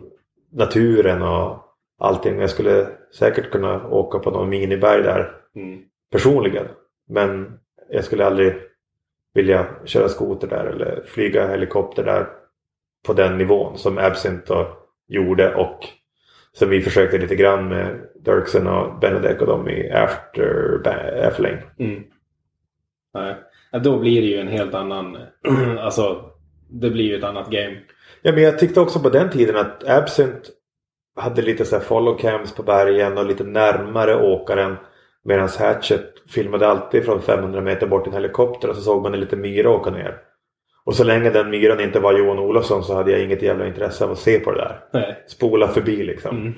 Och ju äldre man blev så började man inse att det där var ju helt sjukt Mm. vad de höll på med. Ja. Vi höll på oss i något litet berg i Alberg liksom, Ja. i Österrike. Och hade ingen aning om vad fan, vilka dåraktigheter de höll på med där borta.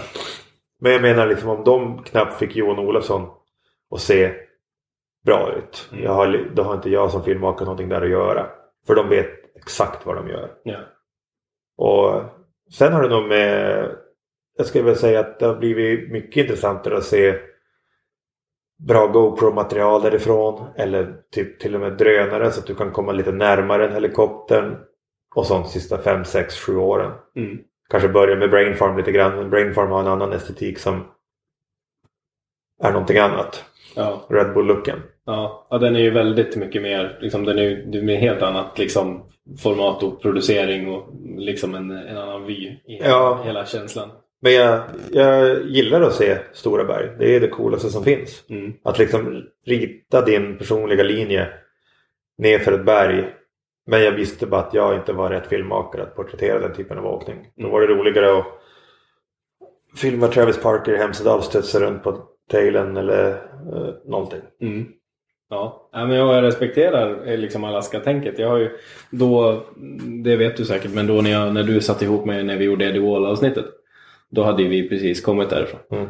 Eh, och det, det är ju, nu, nu åker ju vi inte i närheten av de delarna som de är ute och filmar. Nej. Eh, utan vi åker ju betydligt mycket säkrare åkning med guider och hela köret. Men eh, det, det är ju det är något annat. Nej, men jag vet att om jag får möjligheten att åka dit så länge ryggen håller Mm, så kommer man ju tappa hakan. mm, Så är det bara. mm.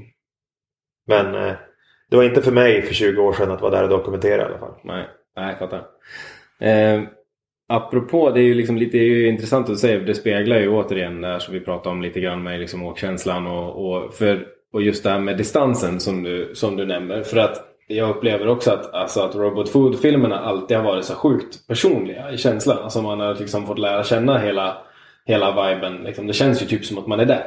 Liksom. Mm. Istället för att man sitter i den där helikoptern 500 meter bort.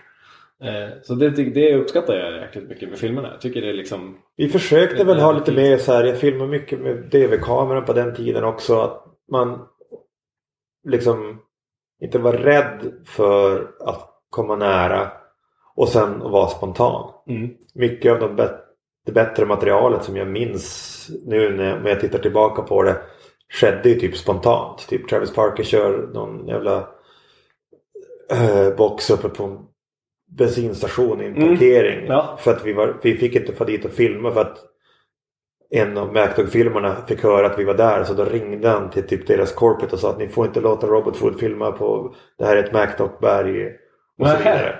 Oj. Och sen så, i det samma film så har Travis i någon vit helvit han en Frontsar 720 Frontsar 900 tror jag, nose grab på ett parkhopp. Mm. Och det är liksom i alltså allmänna parken. Och Louis har någon bra 720 där. Så många av de klippen kom ju för att vi inte fick vara där och filma. För att det finns politik Mm. i den här lilla branschen också. Mm. Säkert mer nu ändå men då var jag som sagt, vadå? Har någon alltså hört att vi är här? Ringt till Mountwood Meadows, sagt att vi får inte filma här de får inte hjälpa oss för att de har liksom monopol på det här berget. Och de lydde. Liksom som svensk liksom 25-åring man bara Riktigt Vad otänkbart fan? egentligen. Va? Ja. Vad har de för jävla dirt på dem? ja. Men det var så det funkar. Mm. Hur var politiken mellan, liksom, alltså var det, någon, var det lite beefigt efter att du typ Det var nog kanske det- filma till dem eller var det? Nej, det tror jag inte. Nej. Nej, det var nog bara den personen som inte riktigt hade EQn att Mm. navigera liksom de andra, jag vet inte hur många snowboardproffs som filmade filmer 2002 liksom. Mm. Hur många kan det ha varit? 50-60 stycken max. Ja, kanske. Nåja, det var, Mm. folk är olika. Spännande. Mm. Ja, men den där bensinmack-jibben är ju jävligt bra då. Ja men det kom ju bara att vi inte kunde komma på berget. Ja, vad sjukt. Ja. Ja. De, bara, de bara spände fast den där. Så, så filmade en av mina kompisar på 16 och jag tror jag filmade videokamera så bara gick vi omkring där. Ja. Det är lite, åkar, eh, lite klassiska åkargrejer som också kändes liksom ganska nya då. Både Alltså Jussi, rätta mig om jag har fel nu, men Jussi kör ju rätt mycket så här butters i kickar och liksom lite för så tidiga 180s liksom. Ja, han provade det på Vale-hoppet. Jag tror det är med i creditsen. Jag tror inte att det är med i filmen. Då gör han en frontside 180 butter till Switchback 9. Mm. Och det var ju typ bara Kevin Jones som kunde göra Switchback 9 på den tiden. Mm. Och jag vill minnas att han var jävligt imponerad hur Jussi pallade och vågade göra det där och då. Ja. Nu var de ju inte så här kanske fullpressade och sånt som de är på Knucklehack med Klevland. Men, Nej, men någon var ju tvungen att börja. typ, precis, det är också typ 20 år senare. Nej, men han gör ju en i Talma. Den första Knucklehacken jag filmade det var ju Jussi. Han gör en i Talma i Finland. Eh, Backside 180 till Switch från 720. Eh, nerför liksom en sån här Mm. hopplandning. Ja. Och det var ju bara Jussi som bara lekte liksom. Han var hemma över julen och, och lekte i sin lilla hemmabacke som är som Hammarbybacken. Ja. Och jag kommer ihåg när vi använde det där till teasern bara en, ja, men en vecka eller två senare. Då satt Scotty Whitlake i vårt hus och såg det där. Han bara That is the coolest thing I've ever seen. Och då hade han filmat redan sin, nu vet jag inte om det var Destroyer eller Mm. eh, Brain. Jag kommer inte ihåg vad Whitey-filmen hette. Men han var ju sån jävla Jussi-fan. Ja. Att han... Och det tycker jag väl att det var mycket av det som fick åkarna att experimentera. Jag vet inte om Jussi hade experimenterat så här om han var på berget med Mike Hatchett. Men nu var det Talva med mig med videokamera. Mm. Och på det sättet så är det väl bara det att det är lite right place at the right time. För både mig och han. Ja. För jag hade aldrig filmat något sånt innan. Nej. Men jag visste ju vad som var bra när jag fångade så att säga. Mm. Och samma sak med Parker. Han började göra sina så här footplants nerför klippor och footplants upp på handrails. Och det var ju Mm. bara hans vision och vi sa aldrig att det var dåligt. Nej. Men det är säkert, säkert många låtar och många saker som har blivit kapade vid fotknölarna men det mesta rann nog igenom tror jag. Mm, ja, men jag tror det. Men Travis Onefoots var också en sån där som... Nu är det, li- nu är det lite svårt att säga men man känner, jag kan inte liksom komma på att jag liksom har reagerat på en Onefoot innan jag såg, innan jag såg den parten. Jag tror det fanns one foot på, typ, på Big Airs och sånt. Mm. Tror jag folk gjorde det. Men Mm. som det var på den här Bale-tävlingen när Jussi gjorde den Butler till Switchbacks nian. Det var som så här, ingen fattade vad han gjorde. Mm, Knappt domarna liksom. mm. Och, och att vara på den nivån var ju liksom bara jaha. men kom Hur till- bedömer vi det här? Hur bedömer vi det här Ja. liksom? Men Jussi tyckte att det var lättare. Ja. Och det förstod man ju sen också. Typ så här, när Parker började göra det. Han, han gjorde det baklänges. Och så gjorde han som en half cab till tailen och så sprättade han backside snurr. Mm, Han bara det hjälper mig. mm. Får igång Och snurren. får igång snurren. Och jag kan inte snurra mer än 360. Men det är klart att om jag gör den där lilla 2080 innan. Det hjälper nog lite grann. Mm. Så Mm. att, Ja, fascinerande. Eh, i, inte så långt efter det här då, eh, också inspirerat av, eh, vill jag tro, ganska grovt inspirerad av Travis Parker. Vet du vem, eh, vet du vem Jonas Halvarsson är? mm, känner igen namnet. Mm, Claes Halvarsson. Känner du igen det namnet? Gammal Sverigecup-åkare. Känner också igen namnet. Ja, Gävle, Söderhamns Hälsingerävar. Mm. Eh, Jonas drog ju någon så här, du vet, bara på ren någon tävling vi hade på hemmaberget. Bara som, du vet, bara, "Nej, jag ska göra backflip one foot nu. Mm. Och så droppade han in och alla bara, han strappade han ur. Han gjorde det va? Och det var ju liksom precis efter afterbang. Liksom. Så det, jag tänker så att det, liksom, det har ju tricklat ner i, i den lokala scenen på väldigt många håll tänker jag. Alla såna här små grejer. Liksom. Ja men det kände man väl. Alltså fan man härmar ju allting man kunde se Mm. i snowboard och skateboard media som kid. Mm. Och då, sen när man då var liksom, vad ska man säga, på toppen och fick filma de bästa så förstod man ju att det här kommer ju bli en grej. Mm. Förhoppningsvis. Ja. Eller så skrattade de åt oss. Ja. Vi var så pass clueless att vi visste nog inte riktigt Nej. om det skulle skrattas åt eller inte. Nej. Men jag var som så här, men om Jussi vill få snurra runt här och köra lite butters och snurra runt på parkhoppen. Då, det är hans videodel. Ja. Och jag tycker att det visar kontroll. Mm. Och jag kommer ihåg att i den här svängen så såg jag en Travis, nej vad säger en eh, Tiger Woods reklam. När Tiger står med sin så driver eller golfklubba och bollar med den. Och det är typ det som är reklamen. Och sen svingar han iväg den 200 yards eller någonting. Och jag bara, men det är det här som är coolt. Alltså jag vill aldrig se Tiger Woods slå typ en fe- perfekt drive på en perfekt fairway. Det är inte relaterbart. Men om du tar Tiger Woods till Humlegården och han börjar så här skjuta bollar på 20 eller 50 meters håll i soptunnor. Mm. Det är coolt. Mm. Och när jag och Travis Parker pratade om det så var det samma sak. Ja, men om vi åker i den riktiga parken där de vanliga som köper livskort åker och gör saker som de gör. Om det är side hits eller någon butter av någon, något hopp eller någonting. Att som proffs visa lite grann på någonting mer relaterbart än en Travis Rice-klippa i Alaska säger inte så mycket. Nej. Och det, det har alltid varit min grej med allt skateboard och snowboard relaterat. Att när någon som är svinduktig gör någonting mindblowing liksom på parkeringen. Det är då jag går igång. Mm. Och lite den jargongen hade just Theo Parker och, och några till. Ja. ja, men det är nog det som också har, fått, har gjort att det har fastnat så hårt. Liksom. Eh, eh, jag, hade en, eh, hade en till sak där, just apropå Travis Parker. Han har ju, eh, det är väl i Afterlame. Eh, han eh, åker väl med Jakob och Hampus va? Han skriker in i kameran. Tell me what your heart rate is! Det känns också som du så här, har bara satt sig som en så här, liksom, alltså ett klassiskt klipp. Ja, nej, men Jakob och Hampus fick ju vara med då. Min, jag tänkte fråga dem, min hur tredje liksom- film. För Hur att fick då- de komma med? Liksom? Ja, det var väl meningen att deras sponsorer skulle punga upp lite pengar. Som deras europeiska person inte riktigt gjorde vad jag vill minnas. Mm. Men eh, de gjorde det de kunde. Och vi var dåliga businesspersoner och lät dem vara med ändå. Mm. Eh, men det var ju nice för mig. Jag kände väl kanske att det var min sista Robot Food-film också. Och Talangen hade ju båda dem. Men eh, det var samma grej för dem. Köpa stadsjeep, köpa släp, köpa skotrar. Det är liksom inte enkelt. Åka fram och tillbaka med flickvänner och så vidare. Men eh, de var ju riktiga talanger på den tiden. Men jag som svensk var nog den som tog en steg bak. Och fick andra, liksom Travis eller Jess eller andra liksom att tycka att de var bra och var hype på dem. För för mig var det nog rätt självklart. Men man vill ju liksom inte ha för mycket patriotism som, eller vad man ska säga, ska spela in i, i gruppen. Nej. För det är alltid skönt att åka omkring på roadtrip och prata svenska.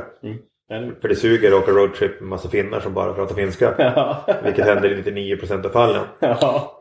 Men eh, det var det var bara kul de var så jävla duktiga på att åka snowboard också så här på ett relaterbart och enkelt sätt. Typ Hampusson och tryck i en pipe där som inte ens var shapad som bara stod i Oregon. Mm.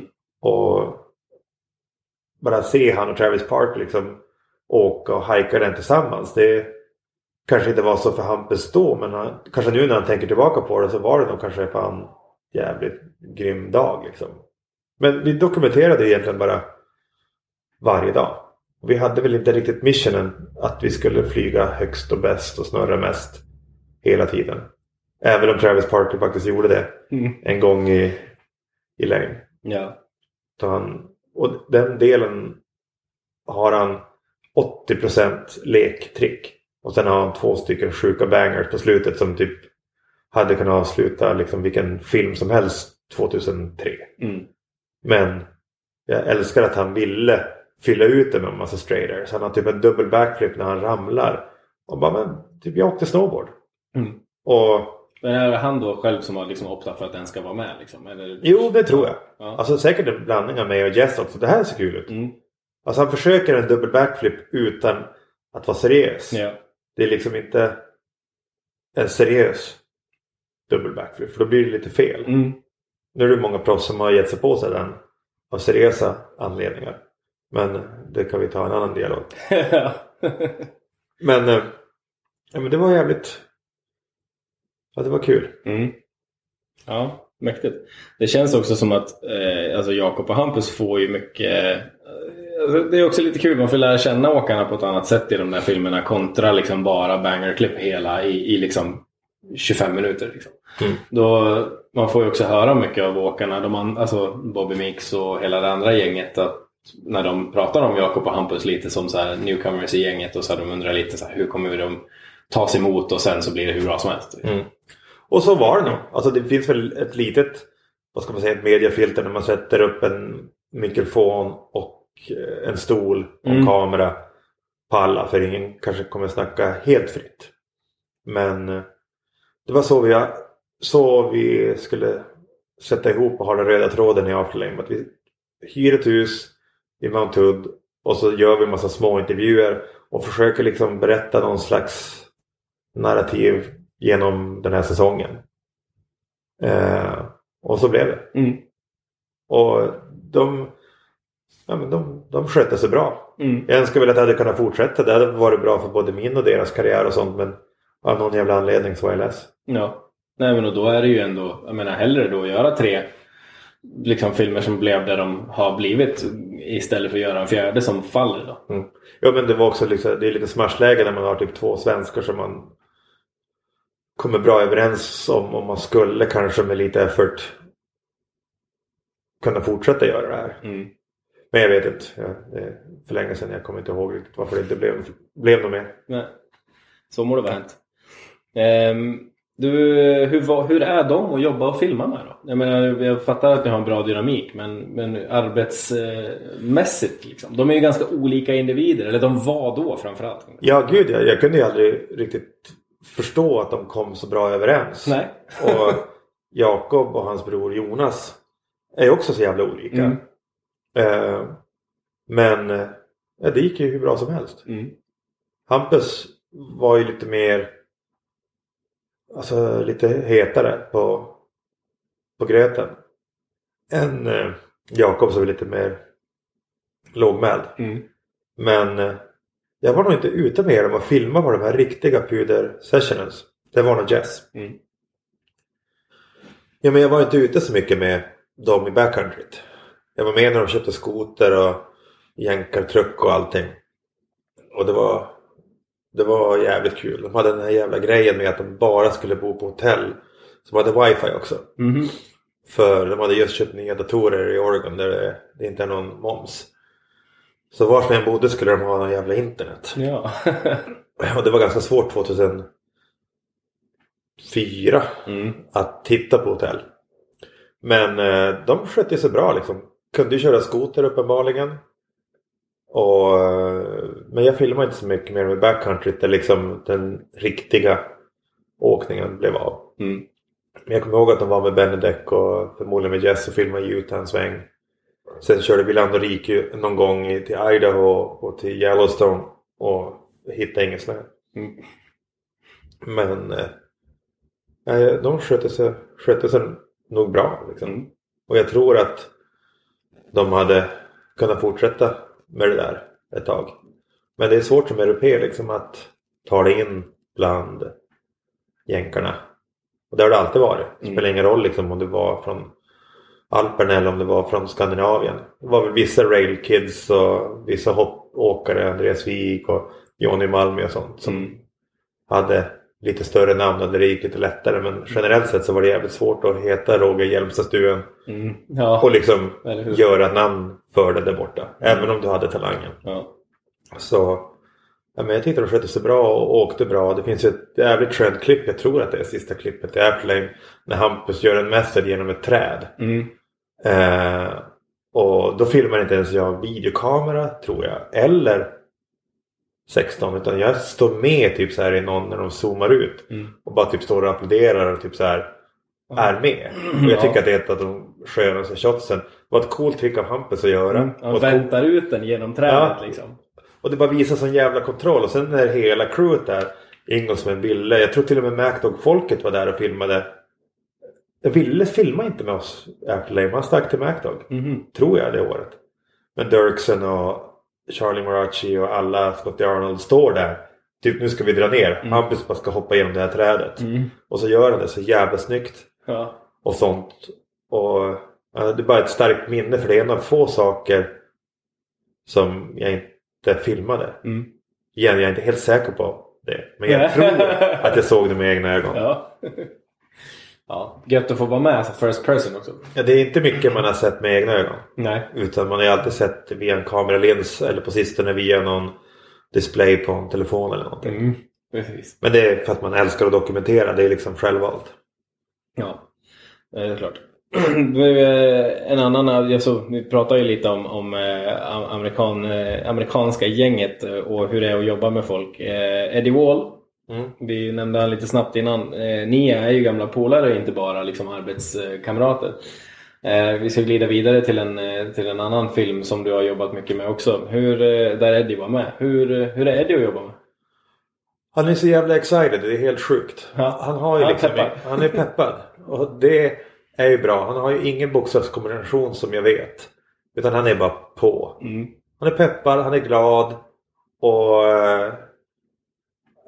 Ja men han liksom, det finns nog inte så mycket negativt. Vi försökte till och med göra ett eget projekt 2010, någon slags Youtube-serie eller någonting. Mm. För att vi kom så bra överens. Och vi hittade liksom inte riktigt någon plattform att filma för.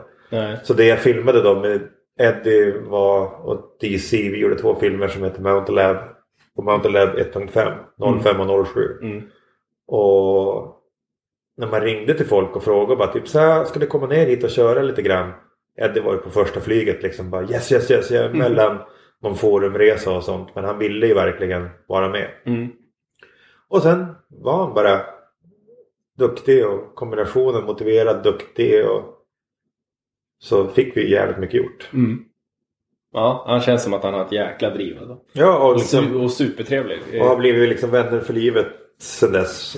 Som med många andra i den här branschen. Mm. Men någon som jag alltid hälsar på så fort jag har vägarna förbi Los Angeles eller var han nu har bott. Mm. Sen eh, när jag var och träffade han och gjorde intervjun i första säsongen. Mm. Eh, ber, han dig, eh, ber han dig ta med Ahlgrens bilar nu istället för djungelvrålet. Nej, det finns... Det är alltid härligt att ta med lakrits till amerikaner. Ja. Det, det blir aldrig tråkigt. Nej. Det är aldrig tråkigt. Nej. Och de tycker, för de har, ju, de har ju en förmåga att hata all salt lakrits. Mm. Alltså det Och det, funkar det, det är inte. som att det är medfött. Liksom. Ja men typ att det är någon genetik liksom. men de stoppar ju också så här. De dricker ju root beer som smakar typ som tandkräm i en 7-Up eller någonting. Ja, det är ingen höjdare Det alltså. är så jävla äckligt. Mm. Men och sen har de massa konstiga kanelgodisar och sånt som också är lite så här. Ja, svårt för våra smaklökar att ta. Ja. Men sen tror de ju att lakrits kan vara rött också. Mm. Alltså typ som våra så här röda kolarem, eller inte Ja. kolarem, vad fan är det? Jordgubbsremmar vi har. Ja. Malaco eller någonting. Eller Det du är lakrits. Ja. Lakrits är svart. ja.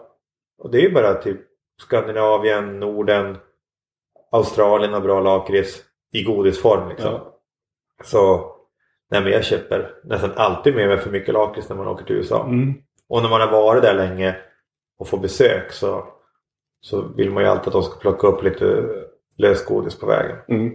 För godis i USA, USA har mycket bra grejer. Men godis är inte... Nej, En av inte dem. än. och Nej. Nej. nej, det var bara lite roligt bara för att han, han, han, han, han, han, han, starka minnen av första gången han eh, fick en djungelvrål av dig. Jag, tog, jag, var, jag var och filmade en grej med några amerikanare i San Marino för några månader sedan. Och då köpte jag på taxfree en sån här eh, isländska typ turkisk pepparshots som heter Mm. Opal. Jag. Som är ja, men, typ Fisherman's Friend sprit. Och försökte ge det till en av amerikanerna men han vägrade liksom. Oj! Jag bara, nej det går inte. Typ ville typ slåss. Ville typ slåss. Ja men det är inte ovanligt att folk från den kontinenten vill ta till handskarna istället för att bara gå därifrån. Skönt. Härlig reaktion att bli bjuden på något. Nej. Nej, men typ, jag tyckte väl att jag var för på. Ja. När jag gav bort det till det brittiska eh, gänget som var med istället. De svepte dem Jag direkt. tänkte säga det är mindre höjd på britterna då. Ja men de bara, åh det är typ som jägern with a kick typ. Nej de, de brydde sig inte så mycket. Nej, skönt. Du, det här projektet som du nämnde i förbifarten med Eddie. Eh, VHS va? Mm. Video Hype Shred. Precis, det var bara vi, Det var snowboardfilmer var ganska likadana då. 2010 var det. Jag hade ingenting att göra. Och han hade ingenting att göra. Han hade just blivit droppad av Forum. Och jag men fan vi kan väl bara åka omkring och typ träffa folk som filmar. Och sen kan vi filma egna saker. Vi kan åka till parker, vi kan bjuda in folk, vi kan göra vad fan som helst. Och så försöker vi göra någon slags, han kan hosta någon slags personlighets personlighetsgrej och bli typ youtuber innan vi visste vad en youtuber var. Mm.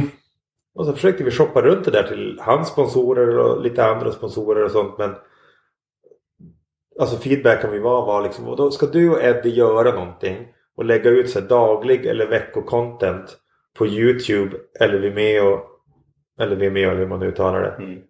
Eh, vi ser inte liksom marknadsvärdet i det. Istället för att göra en part då liksom. Istället för att filma ett helt år och göra någonting. Så vi filmar väl i två, tre månader några gånger. Alltså typ, jag var nog i USA så länge. Och sen gjorde vi ingenting av det. Mm. För att vi fick det liksom inte att gå i rullning. Vi åkte ut i backcountry och träffade andra. Och sen försökte åka snålskjuts och typ Eddie typ stod och pratade om vad de gjorde där borta. Och typ kanske, men då kan vi kanske hjälpa deras film Mm. med någonting. Och så teasar det. Men då blir ju folk så jävla... Ja men vadå? Du har ju filmat typ ett svinbra trick. Tänk om du använder det. Ja. Ja men jag ska inte använda det. Ja men det vet jag inte. Och så vidare. Mm. Beef. Jag vet inte. Det var väl bara någon, slo- någon slags liksom vlogg egentligen vi Mm. ville göra. Men Mm.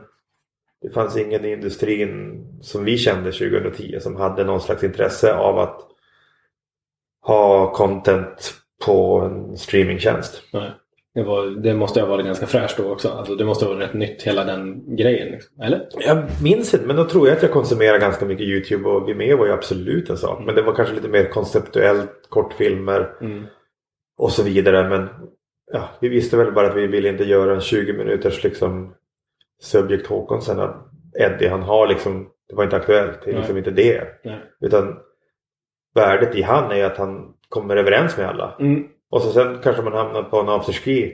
Och sen så blir vi fulla och så sen förlorar någon 100 dollar i biljard. Och så Ja. var det ett avsnitt. Ja, eller hur? Men den randomnessen gick inte riktigt att kapitalisera på. Hade, se- jag hade supportat det.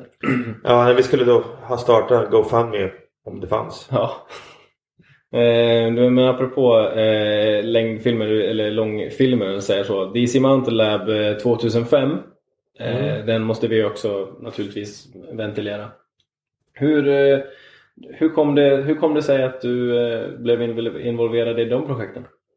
Eh, DC sponsrade Lame och Afterlame till Robot Food med Dirksen, Whitlake, Travis Parker och jag tror det var dem. Och de var där innan DC Mountain Labet var en grej och gjorde en liten bonusfeature. När jag tror den här lilla släpliften eller repliften kom till. Och nu, alltså, nu tror jag att de allra flesta som, som kanske lyssnar på det här har, har liksom eventuellt sett Mountain Lab. Eh, eller, men om man inte har det, vill du ge en liten quick background? Ja, alltså det, Mountain, DC Mountain Lab är en backe som är eh, lite mindre än Hammarbybacken i Stockholm. På Ken Blocks personliga tomt. Där han byggde ett hus. Men där de började åka liksom framför huset. Alltså som vilket hus här i Undersåker eller vad som helst. Det var bara en liten backe nedanför. Men han hade alltid haft en dröm att fan det vore kul att ha en skidbacke liksom på tomten. Så när han hade sålt Easy till Quicksilver och fick lite pengar så gjorde han det. Mm. Och då sponsrade de då Afterlame innan och bjöd dit lite folk. Kom hit och lek. Vi liksom har Halo, spela tv-spel, det finns godis, det finns sovrum, ni får göra vad ni vill och så åker vi lite snowboard. Och sen vart det lite seriösare så då ville de göra en film om det här. Och det är liksom 10 hektar max. Och backen är inte så mycket att höra för men du har ju liksom en jävla bra teamlista. Och det är en massa rails och de Snowpark Tech som eh, var eller kanske är USAs ledande parkbyggare liksom. Gjorde alla features där. Och han tyckte väl att det är värt att marknadsföra DC via hans hem. Så han och hans fru bodde där och alla teamåkarna och jag och fotograferna bodde också där. Och sen så filmade vi bara och lekte. Och det var ju inte så svårt att få dit folk förutom Devon Walsh kanske från Kanada som inte var känd för att åka på rails och Mm. Sånt. Han ville köra klipper upp powder. Jag var tvungen att ringa ner han från Stewart, BC som är nästan uppe i Alaska. Mhm. Och eh, bara du, det börjar smälta här. Vi behöver lite shots på dig. Han bara. I don't really ride rails. Och det var typ så här första eller andra gången jag typ kommunicerade med han. Och teammanagern var missing in action. Nej men jag och Devon hade väl pratat ett par gånger innan dess. Så det var inte så jävla kul samtal. För teammanagern var missing in action. Och jag fick liksom sadla ansvaret att du borde nog komma ner här för annars har vi inga tryck på dig till den här filmen. Och det gjorde han det. Mm. Och han hade kul. Men det var liksom soloshow. Det var han, två fotografer, två filmare och Devon Walsh i en slaskig park. Ja. Men han var en jävla champ och gjorde några coola trick. Och det var en jävla härlig tid liksom för att få folk att leka på så liten yta.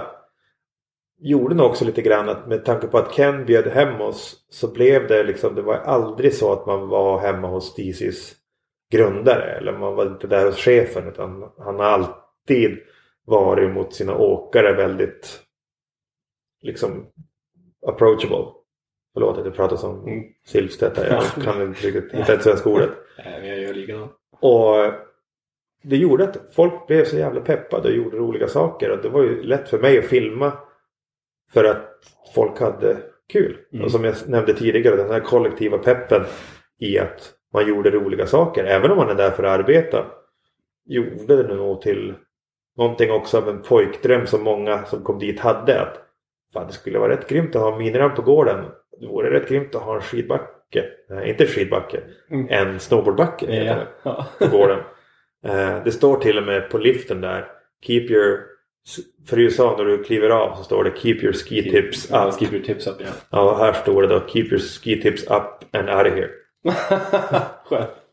Och liften hette till och med Afterbang Express också. Ja, snyggt. Så det var liksom det är som att bjuda in folk till, ja men som här i byn eh, Henke Mm. har ju liksom Winstedts egna... egna upplägg och det är fan det är typ det grymmaste som finns. Mm. Att man kan typ slå på liften hemma. Mm. Och vi vet ju att det behövs ju inte mer än något litet BMX-hopp och någon litet räcke eller något så har man kul. Mm. Eh, speciellt när man är lite yngre kanske. Ja, verkligen. Men och det finns ju några i USA som har gjort Mountain Lab kopior liksom. Men som filmmakare är det ganska svårt att försöka göra en film som ska sälja i 20-30 tusen ex eller vad de kan ha gjort på den tiden och filma den på 10 hektar. Mm. Liksom, vi gjorde en roadtrip i, i en vecka och sen så ska det bli någonting. Mm. Men det var ju typ bra personligheter. Simon Chamberlain träffade jag där första gången. Han var ju så jävla bra på att jibba på den gången. På den tiden. Mm. Och han gjorde från sig 360 till nosepress på box hade aldrig sett tidigare. Ja. Och ja, det, var, det var kul. Ja. Och det var ettan och sen så gjorde vi en till två år senare. Som är väl hyfsat lik. Mm. Med lite mer resor och lite annat grejer. Då hade DC börjat göra snowboards. Mm. Så då hade de Ika, Lauri, eh, Devon Walsh och Aaron Bittner. Mm. Så då var det Då slog de lite mer på stora trumman rent marknadsmässigt. Ja. Så det var fan, det var ett kul ställe. Jag spenderade jävligt många månader där. Ja, tänker man det. Det var synd. Grannarna var inte riktigt lika pepp på att det var stora brandade liksom hopp och regels och sånt. När de kom till deras tredje eller fjärde semesterhus där de är två veckor om året och så bara förstörde det utsikten. Så att de var typ mer eller mindre tvungna att sälja det för de fick inte ha kvar Mm. skidbacken. Nej, tråkigt. Kontraproduktivt.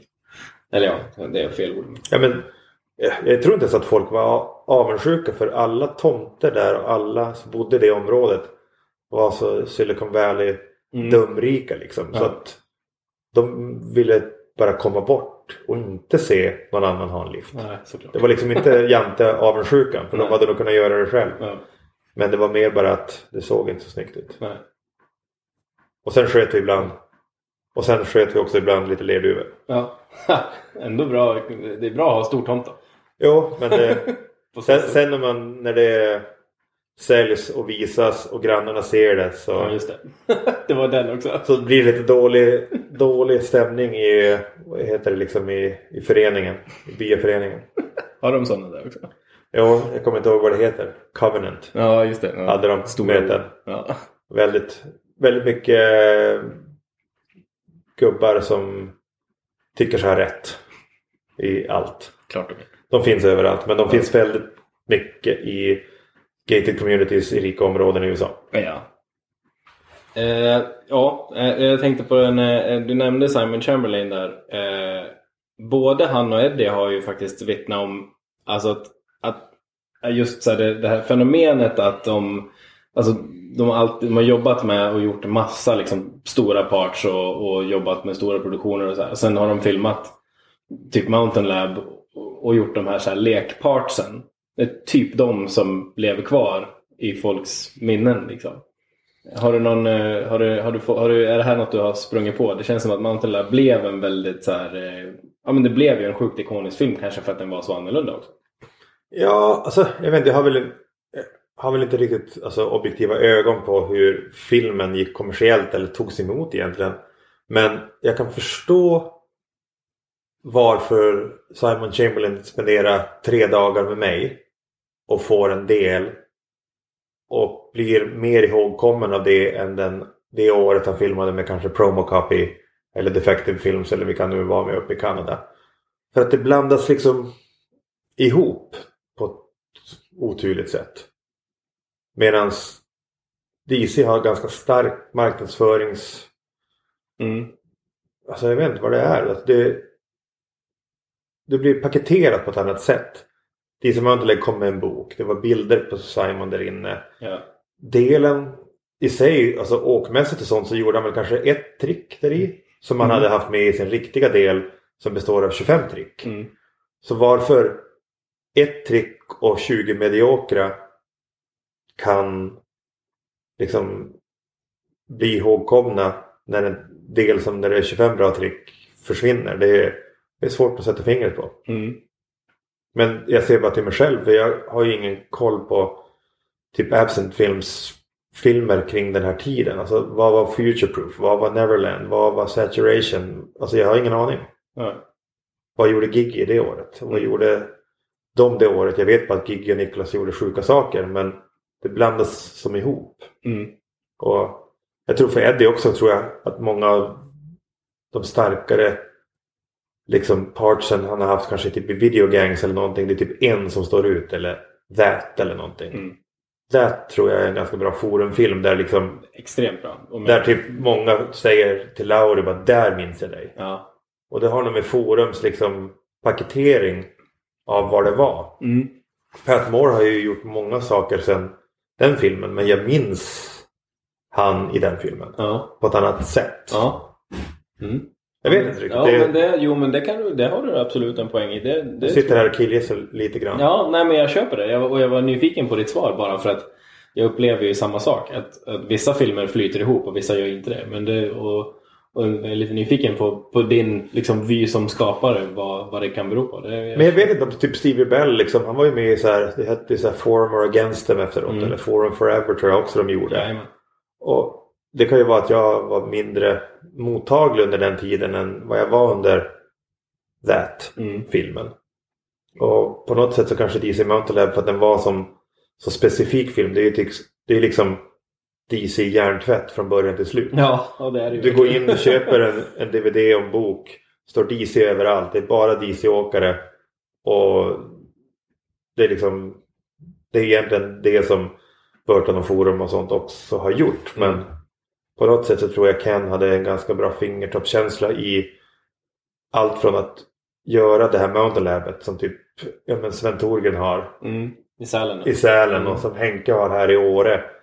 Men att han kom på det liksom 2002 Mm. och började projektera det och gjorde film av det 05 och 07 med åkare som Travis Rice som i och för sig bara kom förbi en eftermiddag och filmade till hans filmprojekt. Mm. Ja. Men det får man ta. ja. Eh, och, och sen hur det liksom hade två heltidsanställda fotografer, två heltidsanställda filmare.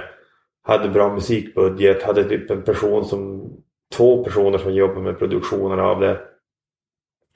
Och sen har de ju liksom hela DCs nät så att förmodligen alla som sålde DC dojor, boots, kläder och sånt under de här åren fick ju liksom bara en jävla form bara, ska ni ha filmen? Mm. Och så klickar de i 5x, 5x. Så att den fick ju orimligt stor distribution Mm. jämfört med vad filmen kanske innehöll. Ja. Men det var ju mitt jobb att se till att den hade en watchability och att folk... Det svåra med en film är väl egentligen att man ska se den fler gånger. Jag kommer ihåg när jag såg Casios film för kanske två år sedan bara, eller tre, två. Mm. Hur bra den jag tyckte att den var. Men jag har ju bara sett den en gång. Jag, och jag minns liksom inte hur bra den var. Jag minns bara att jag såg den och bara shit det där var bra, det ska jag se igen. Såg den aldrig igen. Nej. Nej. Och det är ju någonting med när jag var i 20-årsåldern att jag såg filmer flera gånger. Mm. Jag såg Scotty Whitlake i Brainstorm flera gånger. Jag såg Jussi Oksanen i Optigram flera gånger. Men är det för, tror du, att det, tror du att det har att göra med dels som du säger distributionen? Alltså att vi då, då var det, det fanns mindre filmer och det var inte samma det här matiga mediet som är nu liksom. Alltså absolut har det med det att göra. Men också det att du, kanske gick typ, typ jag menar, Årets skidsport kanske hade Double Decade när den Mm. kom ut. Och så Mm. gick du dit och köpte DVDn för 400 spänn. Mm. Och så sen bara mässar du dina polare och bara nu ser vi, nu drar vi hem och ser den. Och så ser man den. Och så sen bara shit, vi måste kolla in Peter Line igen. Ja. Och så gör man det igen. Och det är lite grann samma sak som med musik. Alltså, fan, jag har inte konsumerat musik på 15 år där jag, där jag minns hur omslaget såg ut. Eller vad låten hette. Förut visste man ju typ att fjärde låten på den skivan hette eh, någonting. Mm. För att du har läst det. Ja. Och sen kommer låten. Mm. Nu är det liksom bara... Ja, jag vet inte. Jag Man har lyssnar. en spellista igång liksom. Ja, det är som bara, ja, men vad hette Jakob Hellmans nya skiva? Jag har ingen aning. Mm. Men de säger att det är den bästa som typ har kommit ut på flera år i Sverige. Mm. Ja, jag, jag vet ingenting. Nej. Nej men det, man, har ju- man, uppfatt, alltså, man konsumerar saker på ett helt annat sätt. Och jag kan bara tänka mig att kids som är födda efter 2000 när liksom CDn dog ut och sånt hur de inte har något som helst Alltså någonting som de kan ta på. Alltså våra föräldrar hade kassetter och Mm. bland blandband och LP-skivor och en slags nostalgi till när de fick deras Tom Jones-skiva eller vad de nu hade. Min Mm. första skiva var Europe och sen kom det något annat. Mm. Och jag minns ju det. Alltså Ja. jag kommer ihåg när Cherokee var. Det var typ det spåret på den sidan. Och man finns en sån jävla stark kopplad känsla till någonting fysiskt. Och hur man ser det. Till skillnad från nu när jag typ klickar på YouTube Mm. och ser någonting. Ja. finns, ja, det finns ju så jävla mycket bra att se där ute men det är fan få, få saker man ser flera gånger. Mm. På tal om just det där som du säger, det fysiska, alltså just det här med att hålla någonting i handen. Eh, du var och touchade på det lite tidigare också när vi pratade om, om, eh, om paketeringen just med Robot Food. Men ni gjorde ju ganska, ni gjorde väl rätt spexiga paketeringar med Robot Food också? Visst gjorde ni det? Jo men det var ju Benedek som läste alla Mm. reklamtidningar och var i framkant Mm. på det ämnet. Ja, jag har hört att han spenderar en hygglig, ohyggligt massa pengar på, på, på snoddar till, är det Lays Ja, fan, vad- var det? Eh, Stämmer det? Nej, Afterbang var snodda. Afterbang. Nej! Eller? Fan, hade vi snoddar? Nej, då hade vi ett sticker runt. Mm. Det är Afterlane som har gummisnoddar. Ja, Ja, vi köpte gummisnoddar för fan 2000 dollar eller någonting. det är fan bra det. Ja, och så torkar de ut efter typ ett år. Såklart.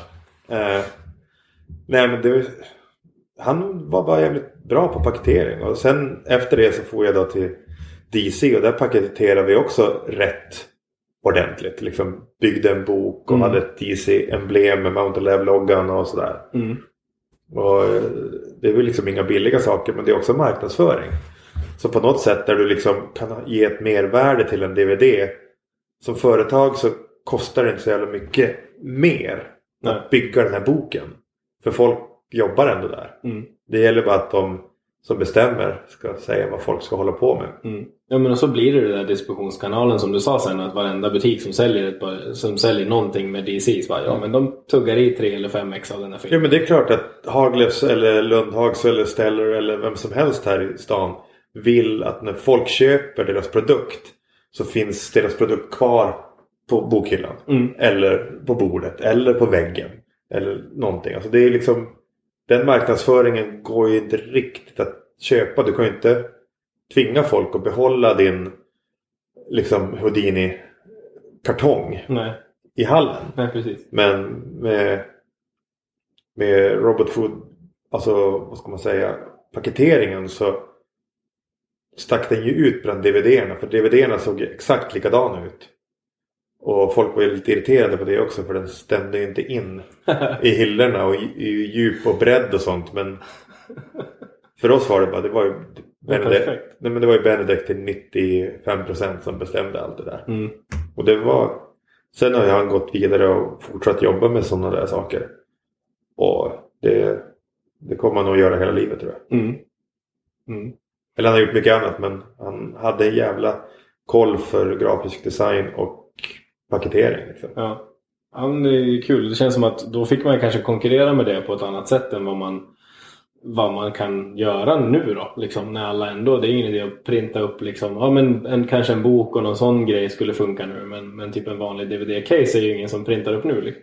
Nej, det är väl ingen Nej, DVD-spelare. säga, det är ingen som kan stoppa in en DVD någonstans ändå. Men det är så jävla svårt det där. För liksom det som är med så här Magasin Åre eller med Fjälljournalen eller någonting.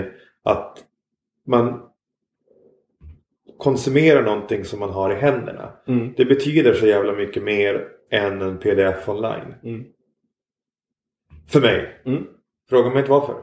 Men jag kan tänka mig att en unge som är född för 15 år sedan har inte alls någon sån. Eller de vet inte ens vad de ska jämföra med för de har bara läst det online. Mm. De har en läsapp i, i iPhonen istället. Ja, men jag vet inte.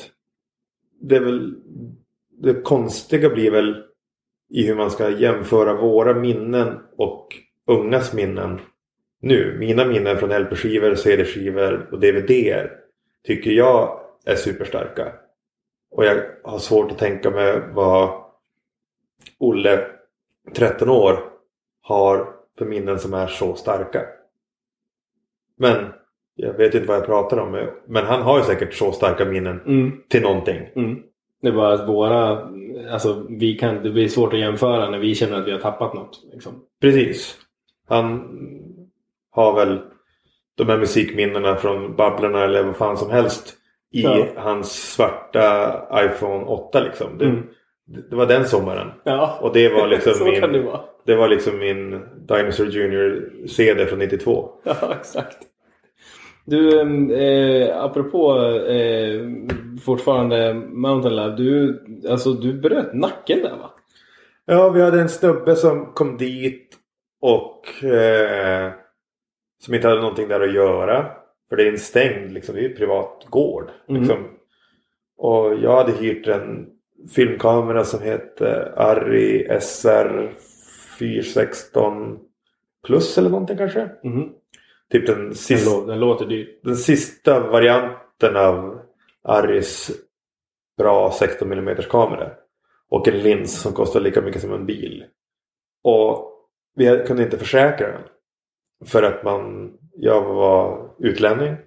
Och DC hade ingen sån försäkring som de kunde göra. Så vi tog bara Kens privata Amex. Som hade en kredit på typ en miljon kronor. Och så drog vi Det det. är så sjukt orimligt. Fast jag pratade med hans assistent om det såklart. Ja. Mm. Så hon berättade till honom. Pierre behöver en kamera. Eh, den går inte att försäkra. Men de släpper den inte om vi inte drar en miljon i liksom, deposit. Han bara jaha. Ja, kommer han tappa den då? Nej. Okej, så då gjorde vi det. och då stod jag där med den där kameran. Och den dagen så hade vi faktiskt Jakob Wilhelmsson. Nej, det var inte den dagen. Det var den veckan. Jag kommer inte ihåg, det blurrar. Men an- jo, Anders Neumann stod bredvid mig. Mm. Anders Neumann stod bredvid mig så då måste Jakob och Hampus ha varit där. På genomresan bara. Till någon transition eh, artikel eller vad de nu gjorde.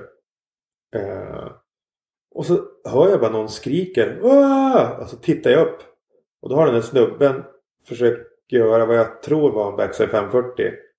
Och huggit ner i take-offen så jävla djupt. Att han kom typ fyra meter kort på en platå som är typ 8-9. Och fyra meter åt sidan där jag och Neumann stod. Och där stod jag med den här svindyra kameran i jeans tror jag. Och en hoodie. Och han landade på min tinning som gjorde att min kota som jag inte kommer ihåg vad den heter. Men den största vingen man har i nacken Mm. bröts av helt och hållet. 100% separation. Och så föll jag ner till marken. Och det bara smällde i hela kroppen och hela ryggen. Och tappade kameran såklart. Mm. Men det hände ingenting för det var ju snö. Mm. Men det var liksom den här kidden som var här. Och inte skulle hoppa. Och inte hade hoppat någonting. Han kommer då och försöker göra något, ett trick som han inte behärskar. Och landar i på filmarens jävla skalle. Och då sa han också, eh, som jag var inne på tidigare, angående jänkare hur de löser konflikter.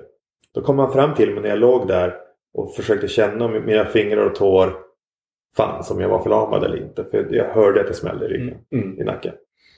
Då säger han, You can punch me all you want, you can hit me all you want. Jag bara, Mm, Okej. jag bara ligger där. Det är inte riktigt det jag är ute efter just nu. Nej. Och sen kom Todd Richards och fes med ansiktet. Ja. Mm. Vad härligt. Men det gick bra. Det var på mammas födelsedag. Eh, Så jag hann ringa till henne och säga bara att jag var på väg till sjukhuset. Men precis som mycket med USA så är det ett u-land när det kommer till mobiltäckning. Så hon försökte ringa tillbaka och det fanns ingen mobiltäckning. Mm. Så då ringde hon till huset för det fanns en alltså, vanligt fast abonnemang där. Mm. Och då fick hon höra att jag var på sjukhus. Och det var inte så kul. Nej. Och fick inte tag på dig sen? Hon fick inte tag på mig. Men eh, det gick bra. Jag fick en stödkrage. Jag hade super, super flax. Hade jag ram, ramlat liksom ett varv till så eh, hade det kunnat gå riktigt illa. För det finns så mycket nerver där Mm. i nacken som kan knipsas av. De sa att de ser det här. Eller en av läkarna sa att när det här har hänt på de som kör skoter och ramlar och har hjälm och sånt. Så är hjälmen så tung Mm. att den kan orsaka alltså eh, förlamningen. Mm. För att huvudet slängs för mycket. Ja. Nu för mig var det bara en smäll i huvudet som vispade runt det och bröt nacken och sen föll jag bara ner en halv meter. Mm. Och han sa att det var nog min räddning. Liksom. Att jag inte rullade och gjorde någonting Tumlade. Precis. Ja. Så det var bara flax. Ja. Men eh, det gjorde ont och sen filmade jag resten av Mount Lab 1.5 på en Super 8-kamera. För det var det enda Med jag... nackkrage. Med nackkrage. Mm. För det var liksom det enda jag kunde hålla i. Mm. Typ. Alltså det var så att det gjorde speciellt ont. Och sen när man lärde sig att skelettet bygger nytt mellan kotorna och sånt och att man inte kan operera eller någonting. Så det var ju bara liksom ta painkillers tills ja, så mycket man orkade. Men min kropp tar inte smärtlindrande medicin speciellt bra. Det är illamående och Mm. allt helvete. Ja. Så ja, det var ju bara att fortsätta trumma på. Ja.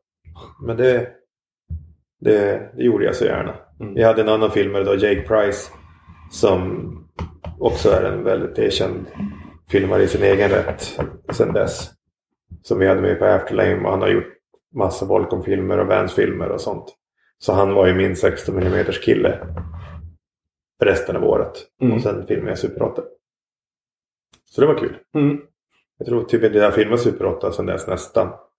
Men eh, det är ett jävligt fint format om någon har turen att, att leka med det. Mm. Ja, det är väldigt klassiskt. Mm. Ja, gamla Super 8 den, den minns man ju. Hade farsan på axeln när man var liten. Eller axeln behöver man inte ha en Super 8 på. Det var oftast lampan man behövde ha på axeln. Ja. Jag kommer ihåg att det var någon så här när man ska filma inomhus med de där. Då måste du slå igång liksom en jäkla alltså, ishockeyarena lampa för att få någon som helst information på filmen. Ja, noll ljusinsläpp. liksom. Mm. Ja, nej, mäktigt. Du har ju så här, apropå, vi, vi har ju pratat lite om Ken och så. Vi, om vi ska drifta lite då. Eh, du har ju filmat även eh, Gymkhana med, eh, med Ken. Mm. Och i Göteborgsskämtet där. Det hade det kunnat varit. Du, ja, jag, jag, driftar vidare. jag riggar inte faktiskt själv Det- ens men eh, nu... Ja, I göteborgare här på Ja. sportlov så kanske är influerad. ja, mycket möjligt. Men hur är det hur ställer det sig, alltså hur är det att, att, att flytta liksom snowboard och skate-tänket till en bilfilmning? Det var väl därför jag fick chansen. För att jag var liksom top of mind. Vi filmade snowboardgrejer. Och sen så filmade jag lite bilar helt liksom utan någon som helst tanke. Och så gjorde jag lite så här klipp till videodelar med hans rallybil från olika events och sånt. Så Youtube fanns inte ens på den tiden. Tror jag. Eller det, det var inte vad det var. Utan man hade egna så här flashspelare och sånt på olika hemsidor. Och sen så relaterar det väl rätt bra för att en bil som åker vänster till höger är ju precis som en snowboardåkare som flyger vänster till höger. Det finns en start och det finns ett slut oftast på någonting som ser spektakulärt ut. Om du ska drifta runt en sväng i en stadsdel runt en 90 graders kurva då finns det kanske en vinkel som är den bästa. Precis som när du är på berget med en snowboardåkare. Här är klippan, där är landningen. Det finns en vinkel som kanske är den bästa. Och när man har lärt sig det till en sån publik som ska ut och snowboardåkare som är så jävla picky. För du har liksom aldrig, eller du blir inte långvarig i snowboardbranschen om du inte visar var snowboardåkaren kommer ifrån och var snowboardåkaren landar. Mm. Om du inte är fotograf då. Ja. Vilket är lite enklare för de behöver ju bara få mittdelen. Och, men jag är inte bitter för det. men så är det. mm. Eh, Men vi filmare har ju då Man vill liksom berätta storyn vart åkaren kommer ifrån och vart den ska och samma med bilen. Och det kan man ju då göra med olika linser och olika alltså, avstånd och filmhastigheter och så vidare. Så när vi börjar filma rallybilar och han börjar sladda med Travis Pastrana kring 06 då var det bara en naturlig del att jag åkte med på vissa av de här sakerna. Jag tyckte det var superhäftigt. Men samma sak där, liksom man får en gräddfil in i någonting. Han åkte för... Körde för Subaru då. Och Subaru i USA gjorde ju allting på Travis Pastrana och Ken Block för att de drog så mycket folk till de här små eventsen. Alltså de är ju inte som Svenska rallyt i Karlstad. Det är liksom en av de största i hela världen. Mm. Vi snackar liksom så här ett litet rally i Älvsbyn. Det, liksom, det är så liten grej. Liksom. Det är så små Dalarna, Dalarna motorbanor där man typ var sladdade på. Mm. Eller skog, skogsbanor. Men när vi då kom dit med typ ett helt mediateam med fotografer och filmare. För Ken visste ju att om man porträtterar det här på rätt sätt med rätt fotografer och rätt filmare så kommer folk att gilla det. Och det var han bara så övertygad om för det är det de har gjort med DC Skate-filmen. Det är det de har gjort med alla snowboardfilmer som han har konsumerat. Så att när det kom till rally så var det som hans idé bara hela tiden. Jag måste marknadsföra mig själv visuellt. Och hur gör jag det? Och då hade jag rätt verktyg och rätt vision för att göra det på många av hans projekt. Och nu har han gjort tio Gymkhana filmer och jag har filmat den sista tian som egentligen är fem delar. Filmade vi på fem ställen i världen och så gjorde jag nian.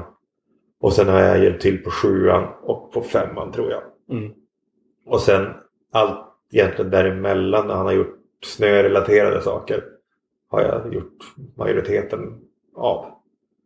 För det är liksom, vi har jobbat ihop då sedan jag vet, inte, 2005 nästan varje år. Eller varje år. Från 15 år. Mm. Så att det känns som att det jag kan inom actionsportbranschen, vad ska man säga, hur man ska porträttera en snowboardåkare hjälpte mig att porträttera en bil. Och sen är jag väl ingen trendsättare på något sätt inom den branschen. Det är mer också vad vi, vi vet ofta vad vi inte vill göra.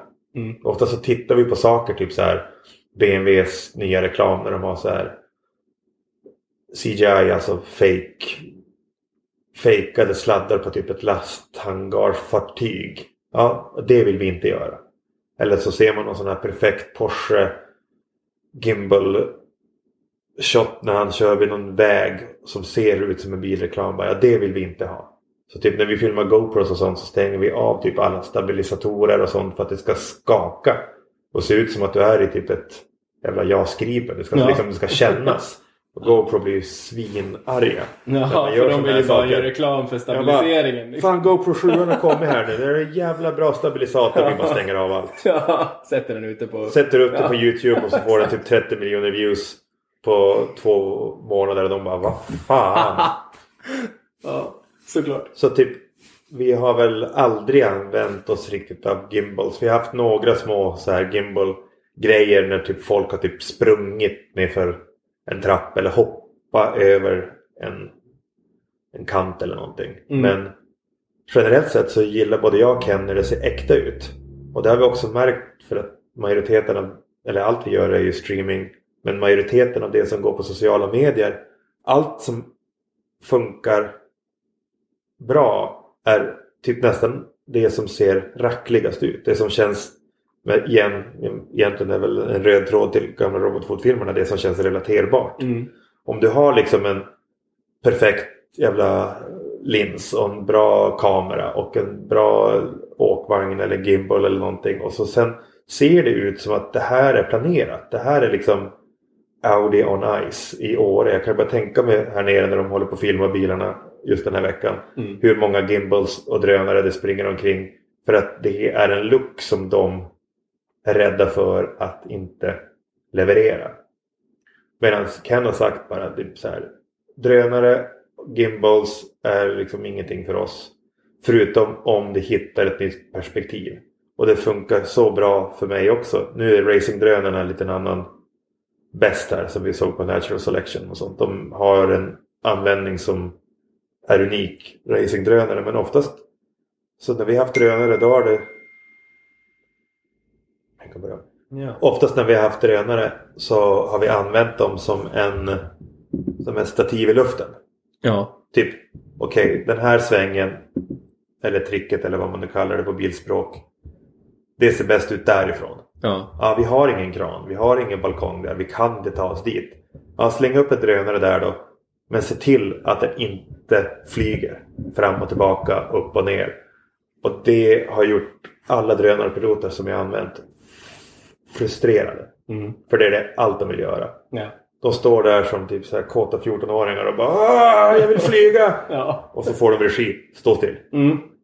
Och då blir de sura liksom. Mm. Alltid. Det har det alltid varit, kommer alltid vara. Mm. För det finns så jävla många bra saker som de kan som jag inte har nyttjat på våra bilshoots. Men eh, nej, de gillar inte att få regin att stå still i luften. Nej. Så.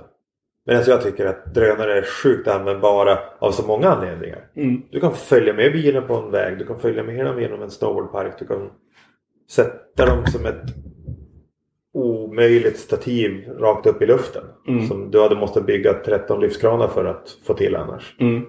Eh, och där ser jag och Ken och regissören till nästan alla de här projekten som heter Brian Scott då, som kommer från en snowboard BMX bakgrund men är bilnörd av rang. Men han har liksom anammat det från, som han kunde från BMX och snowboard till bilmediet. Och han är väl en influencer av rang i den eh, branschen att folk härmar så att säga. Mm. Att många gånger, vi gjorde faktiskt en vi gjorde faktiskt en Volkswagen-reklam i Kanada för två år sedan. Där vi bara använde iPhones. Mm. Och konceptet var att det skulle vara bra bilkörning av en tjej som kom från Sorel, Quebec, tror jag. Eh, Men vi filmade som att hon kör genom gatan. Och då gav vi bara ut så här 25 iPhones till några som kan filma och några som inte alls kan filma. Och sen så körde hon sin lilla sväng och så sen tog vi in materialet och så vidare. För att tanken var då att det skulle inte kännas så jävla köpt. Utan att det skulle kännas relaterbart. Mm. Nu kanske det inte blev världens bästa Volkswagen-reklam men den gick på bio och sånt. Ja. Och när vi kör sociala medier från eh, många av de här filmshootsen så är det ofta iPhone-vinkeln som typ så här kocken eller någon assistent har fått som åker upp och gör större intryck än den här gradade Den snygga Red-filmen. Liksom. Ja, superproducerade. Mm. Så vi har väl alltid försökt hålla någon slags nivå där att det ska inte se för, för att det inte ska se för producerat ut. Mm. För då förstår konsumenten att det här är ett genrep. Eller, Ja. nej, eller- jag måste formulera om det. Ja. Då förstår konsumenten att det här är repeterat. ja. Det här är liksom inte nu. Nej. Och det tycker jag lite grann går tillbaka i snowboardfilmning. Liksom om du står där på en hip eller en halfpipe eller någonting och så kommer någon och flyger lite högre Att det blir lite rack eller bara shit vad fan Mm. tog Danny Davis Då, vägen? då får du den där volymen. Då får du den där känslan än om du hade liksom en perfekt framad grej. Mm. Så ofta när vi filmar bilgrejer, jag och Ken, så tänker vi, då planerar vi för att göra imperf- imperfekta shots. Mm. Typ sätter en, ibland får en kille sätta en fot uppe på trottoaren. Och sen typ när bilen kommer så kliver du ner från trottoaren så att kameran skakar. För då får du liksom en naturlig relation Mm. och så vidare. Mm. Men det, ja, det är ju jättekul. Jag är fan, som sagt, jag har ju filmat bilar nu i 15 år. Ja. Det är lika länge som jag filmar snowboard. Ungefär. ja. Fast jag kan ingenting om bilar. Nej, jag- men du kan ju, du kan ju ska, visuella skapandet om man säger så då. Ja men alltså man kom ju in på filmning av, för att det var ens hobby. Mm. Och det var väl därför man orkade liksom harva, harva, harva, harva. För att det liksom, det finns ju liksom ingen businessplan att du ska bli snowboardfotograf eller snowboardfilmare och liksom kunna leva på det. För den planen finns inte. Nej. Det är liksom en jävla hobby. Mm. Som helt plötsligt blir ett yrke och det är ju få förunnat precis som Ja, som för att använda Jakob och Hampus igen. De åkte snowboard och sen Ja, du tjänar vi pengar på det här. Mm. Fan vad sjukt. Ja. Det är svårt att säga till syokonsulenten liksom att det skulle bli så. Ja, Eller i och för sig inte, nu finns ju Ja, snowboardgymnasium och då. sånt. Mm. Men Ja, nej men det, är- alltså, det, jag fattar vad du menar. Nej, det är mäktigt. Du, du har ju alltså du har ju också fotat, alltså du har en hel, eh, du har en, en radda med arkitektfotografier i, din, eh, i dina sociala kanaler. Eh, och där, eh, där är jag var lite nyfiken. Eh, Eddie nämnde också nämligen att han ska ha frågat dig om du har varit nyfiken eller om du har varit peppad på att- publicera något av det någon gång. Men du har sagt nej. för jag, Känner- jag ser Relaterar det inte liksom? Jag anser mig inte vara en fotograf. Nej. Och det är därför jag tycker om att göra det så mycket och lägger alla mina pengar på det. Ja. Exakt. Jag lägger inte alla mina pengar på att filma saker. Nej. För att det har varit mitt yrke. Att fotografera är terapi för mig. Mm. Jag hade kunnat åka ut idag när det var så frost på träden och gå i duved och kolla en björk och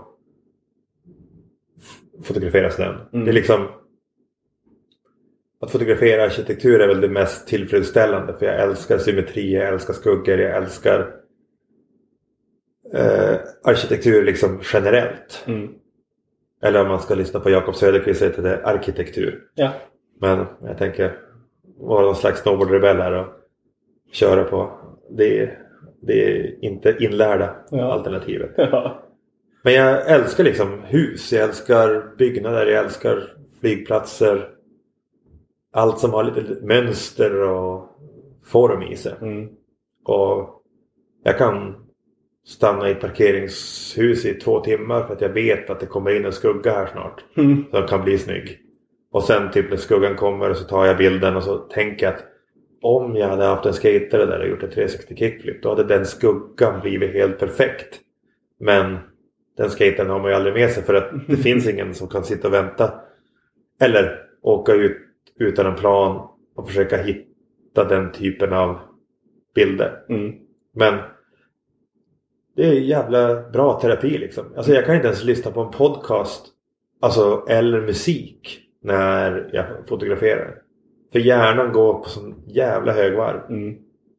Alltså gå ut i en ny stad, typ oftast när jag får ut och filmar, typ som när jag var och filmade den där Volkswagen-reklamen i Montreal för två år sedan.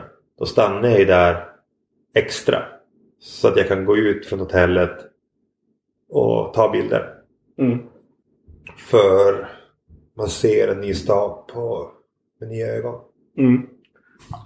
Men arkitektfotografering är ju någonting som jag verkligen känner att jag skulle kunna jobba med. Mm. Det är bara det att jag har gått in med baby steps i den eh, genren. Mm. För att jag vill inte känna att det är ett måste. Nej. Men jag kommer säkert börja fota mäklarannonser eller vad som helst bara för att få tillgång till objekt. Mm. Och sen jobba på någon slags portfolio kanske. Mm.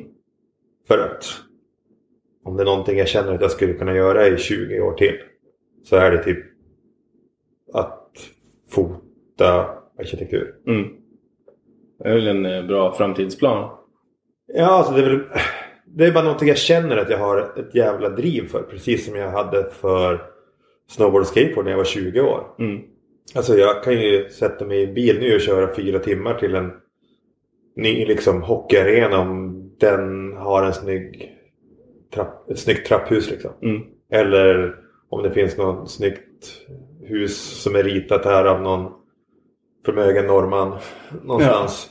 Så är det typ det jag brinner för. Alltså jag kan verkligen se mig själv köra omvägar och göra omvägar i livet för att se bra arkitektur. Mm. Och eh, se nya ställen med en kamera. Mm.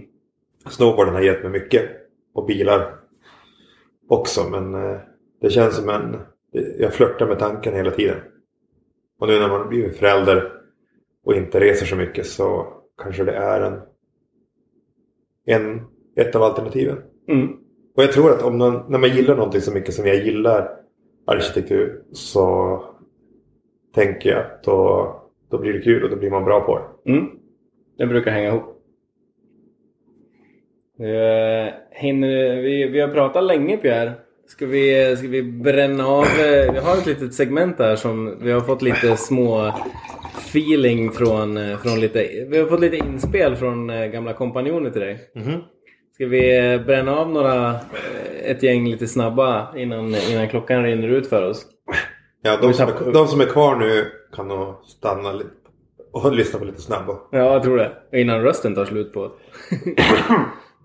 det, här kan vi, det här kan vi gräva djupt i. Eh, Men det kan vi... vi Mhm. Låt oss vi- inte göra det. Vi, nej, jag tänkte säga det. Vi tar det en annan gång. Ja. Eh, David Benedek undrar om beefen med surfvärlden och trickbenämningen. Hur mycket, och, och, hur mycket tid lägger du på det? Min fru blir så jävla less. För jag blir disträ, jag sitter på telefonen och skriver uppsatser om att surfarna inte respekterar liksom vanlig trickterminologi. Mm. Och problemet är väl att jag respekterar surfing också så att därför blir det som så här, vad fan, skärp er då. Mm. Det finns liksom regler, det finns, det finns liksom ett alfabet. Ja. Det här är en indie. Mm. Det här är en stagefish. Det här är en McTwist. ja. Ni härmar skateboard och snowboard. Era surfare tittar på skateboard och snowboard Mm. när de gör de här tricken i luften. Döpte till samma sak. Döp det till samma sak. Ja. Eller så gör ni, åker ni liksom vattenskidor och döp det till något annat. Mm. Men om ni gör en McTwist på en surfbräda, vilket några har gjort. Kalla det då inte för en någonting så snarlikt. Utan antingen så hänger ni med på snowboard och skateboardsvängen som har gjort de här tricken i decennier. Mm. Eller så gör ni inte det. Nej. Men de är kollektivt inte så brighta. Alltså Nej. media, fotografer, Mm. alla. De som, till och med de som kan tricken vet inte vad tricken heter. Men de har sett det i en skate eller snowboardfilm eller bild. Mm. Och jag är lite nazi där och har alldeles för mycket tid att spendera på ämnet. Mm. Ja, det, Typ det så. jag tänkte säga. Ja, jag fattar det. Ehm, Vincent Skoglund. Eh, han målar upp ett scenario. Han säger så här. Tänk dig så här. Du kommer hem med alla prylarna. Du har varit ute och åkt. Du har svin mycket grejer på dig. Du har en väska på axeln. Och så kommer du hem och så ska du av med allting. Snowboardbootsen verkar vara en, verkar vara en sårpunkt. Ja, det är så jobbigt att ta av sig. Fortfarande. Till och med med boas. Det är så jävla jobbigt. Bang! Ja, det är så jobbigt. Ja, vad roligt. Ja. Men jag kommer ihåg en gång när jag var på en resa med flickvän. Och eh, då var dealen att eh, hon skulle ta av mina boots varje dag. Och hon bara va? Ja men det är dealen. Vadå dealen?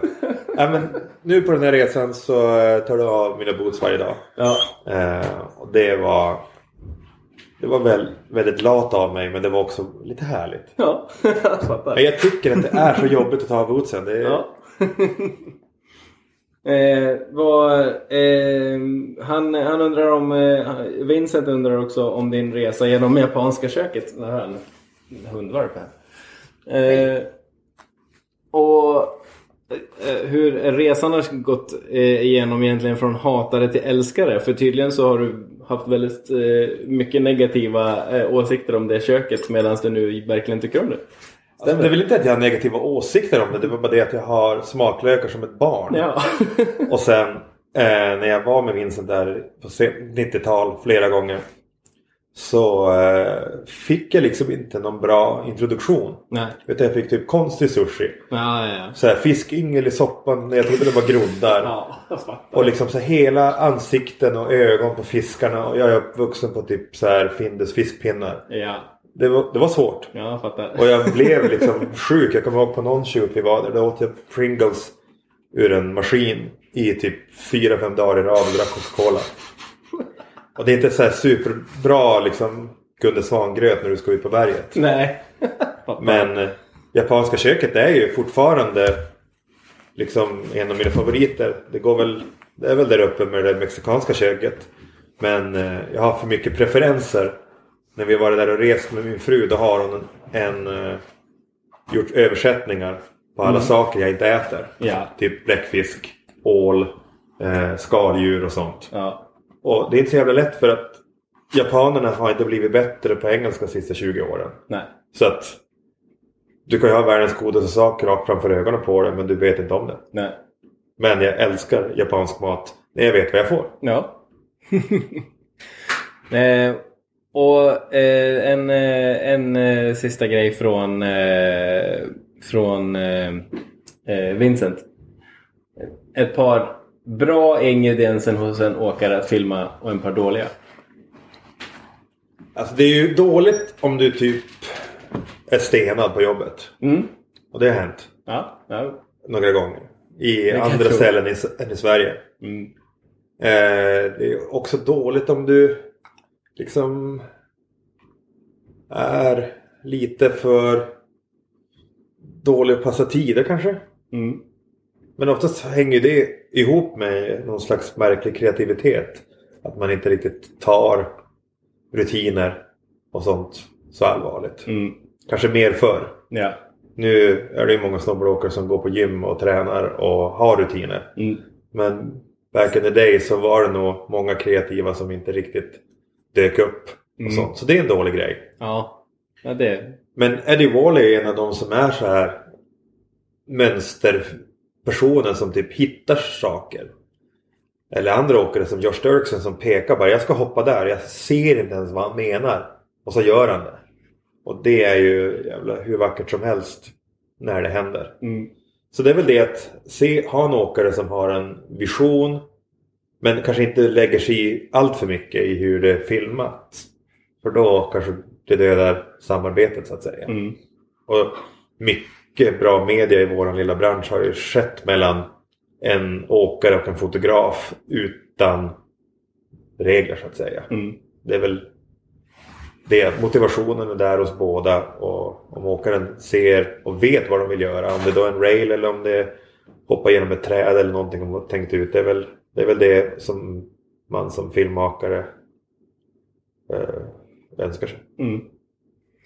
Ehm, Jussi har en, en lite härlig, eh, ett, ett, fått ett litet härligt citat från Jussi som jag tycker vi kan, eh, om vi ska, om vi ska liksom Det finns ju hur mycket som helst vi skulle kunna prata om. Vi skulle kunna hålla på hur länge som helst till. Men om vi ska varva av det här lite grann eh, så är det ett härligt citat från Jussi. Där han säger så här I love filming with Pierre. He brings such good energy and he sees outside the box. He would be so down to film some fun butters in the park versus always going for the bangers. And those were always the shots I was the most stoked on. Uh, I guess that's his talent to capture the feeling and essence of riding versus just the tricks. But damn, he moves slow. Har, du, har du någon kommentar på det här? Bara- Nej men jag har nog till... Alltså jag är ju... Jag hajkar ju inte fort. Nej? Men eh, jag är också uppvuxen med en utrustning och stativ som är tung Mm. och dålig core.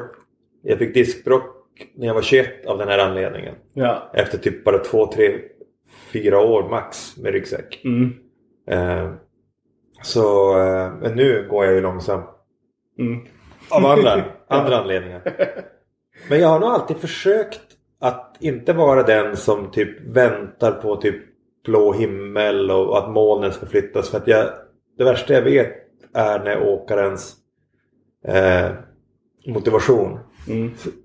går iväg. Att de har strappat in och jag är inte färdig. Mm. Och det har jag väl, till skillnad från vad Jussi sa, i alla fall försökt att alltid vara klar innan de är klar. Mm.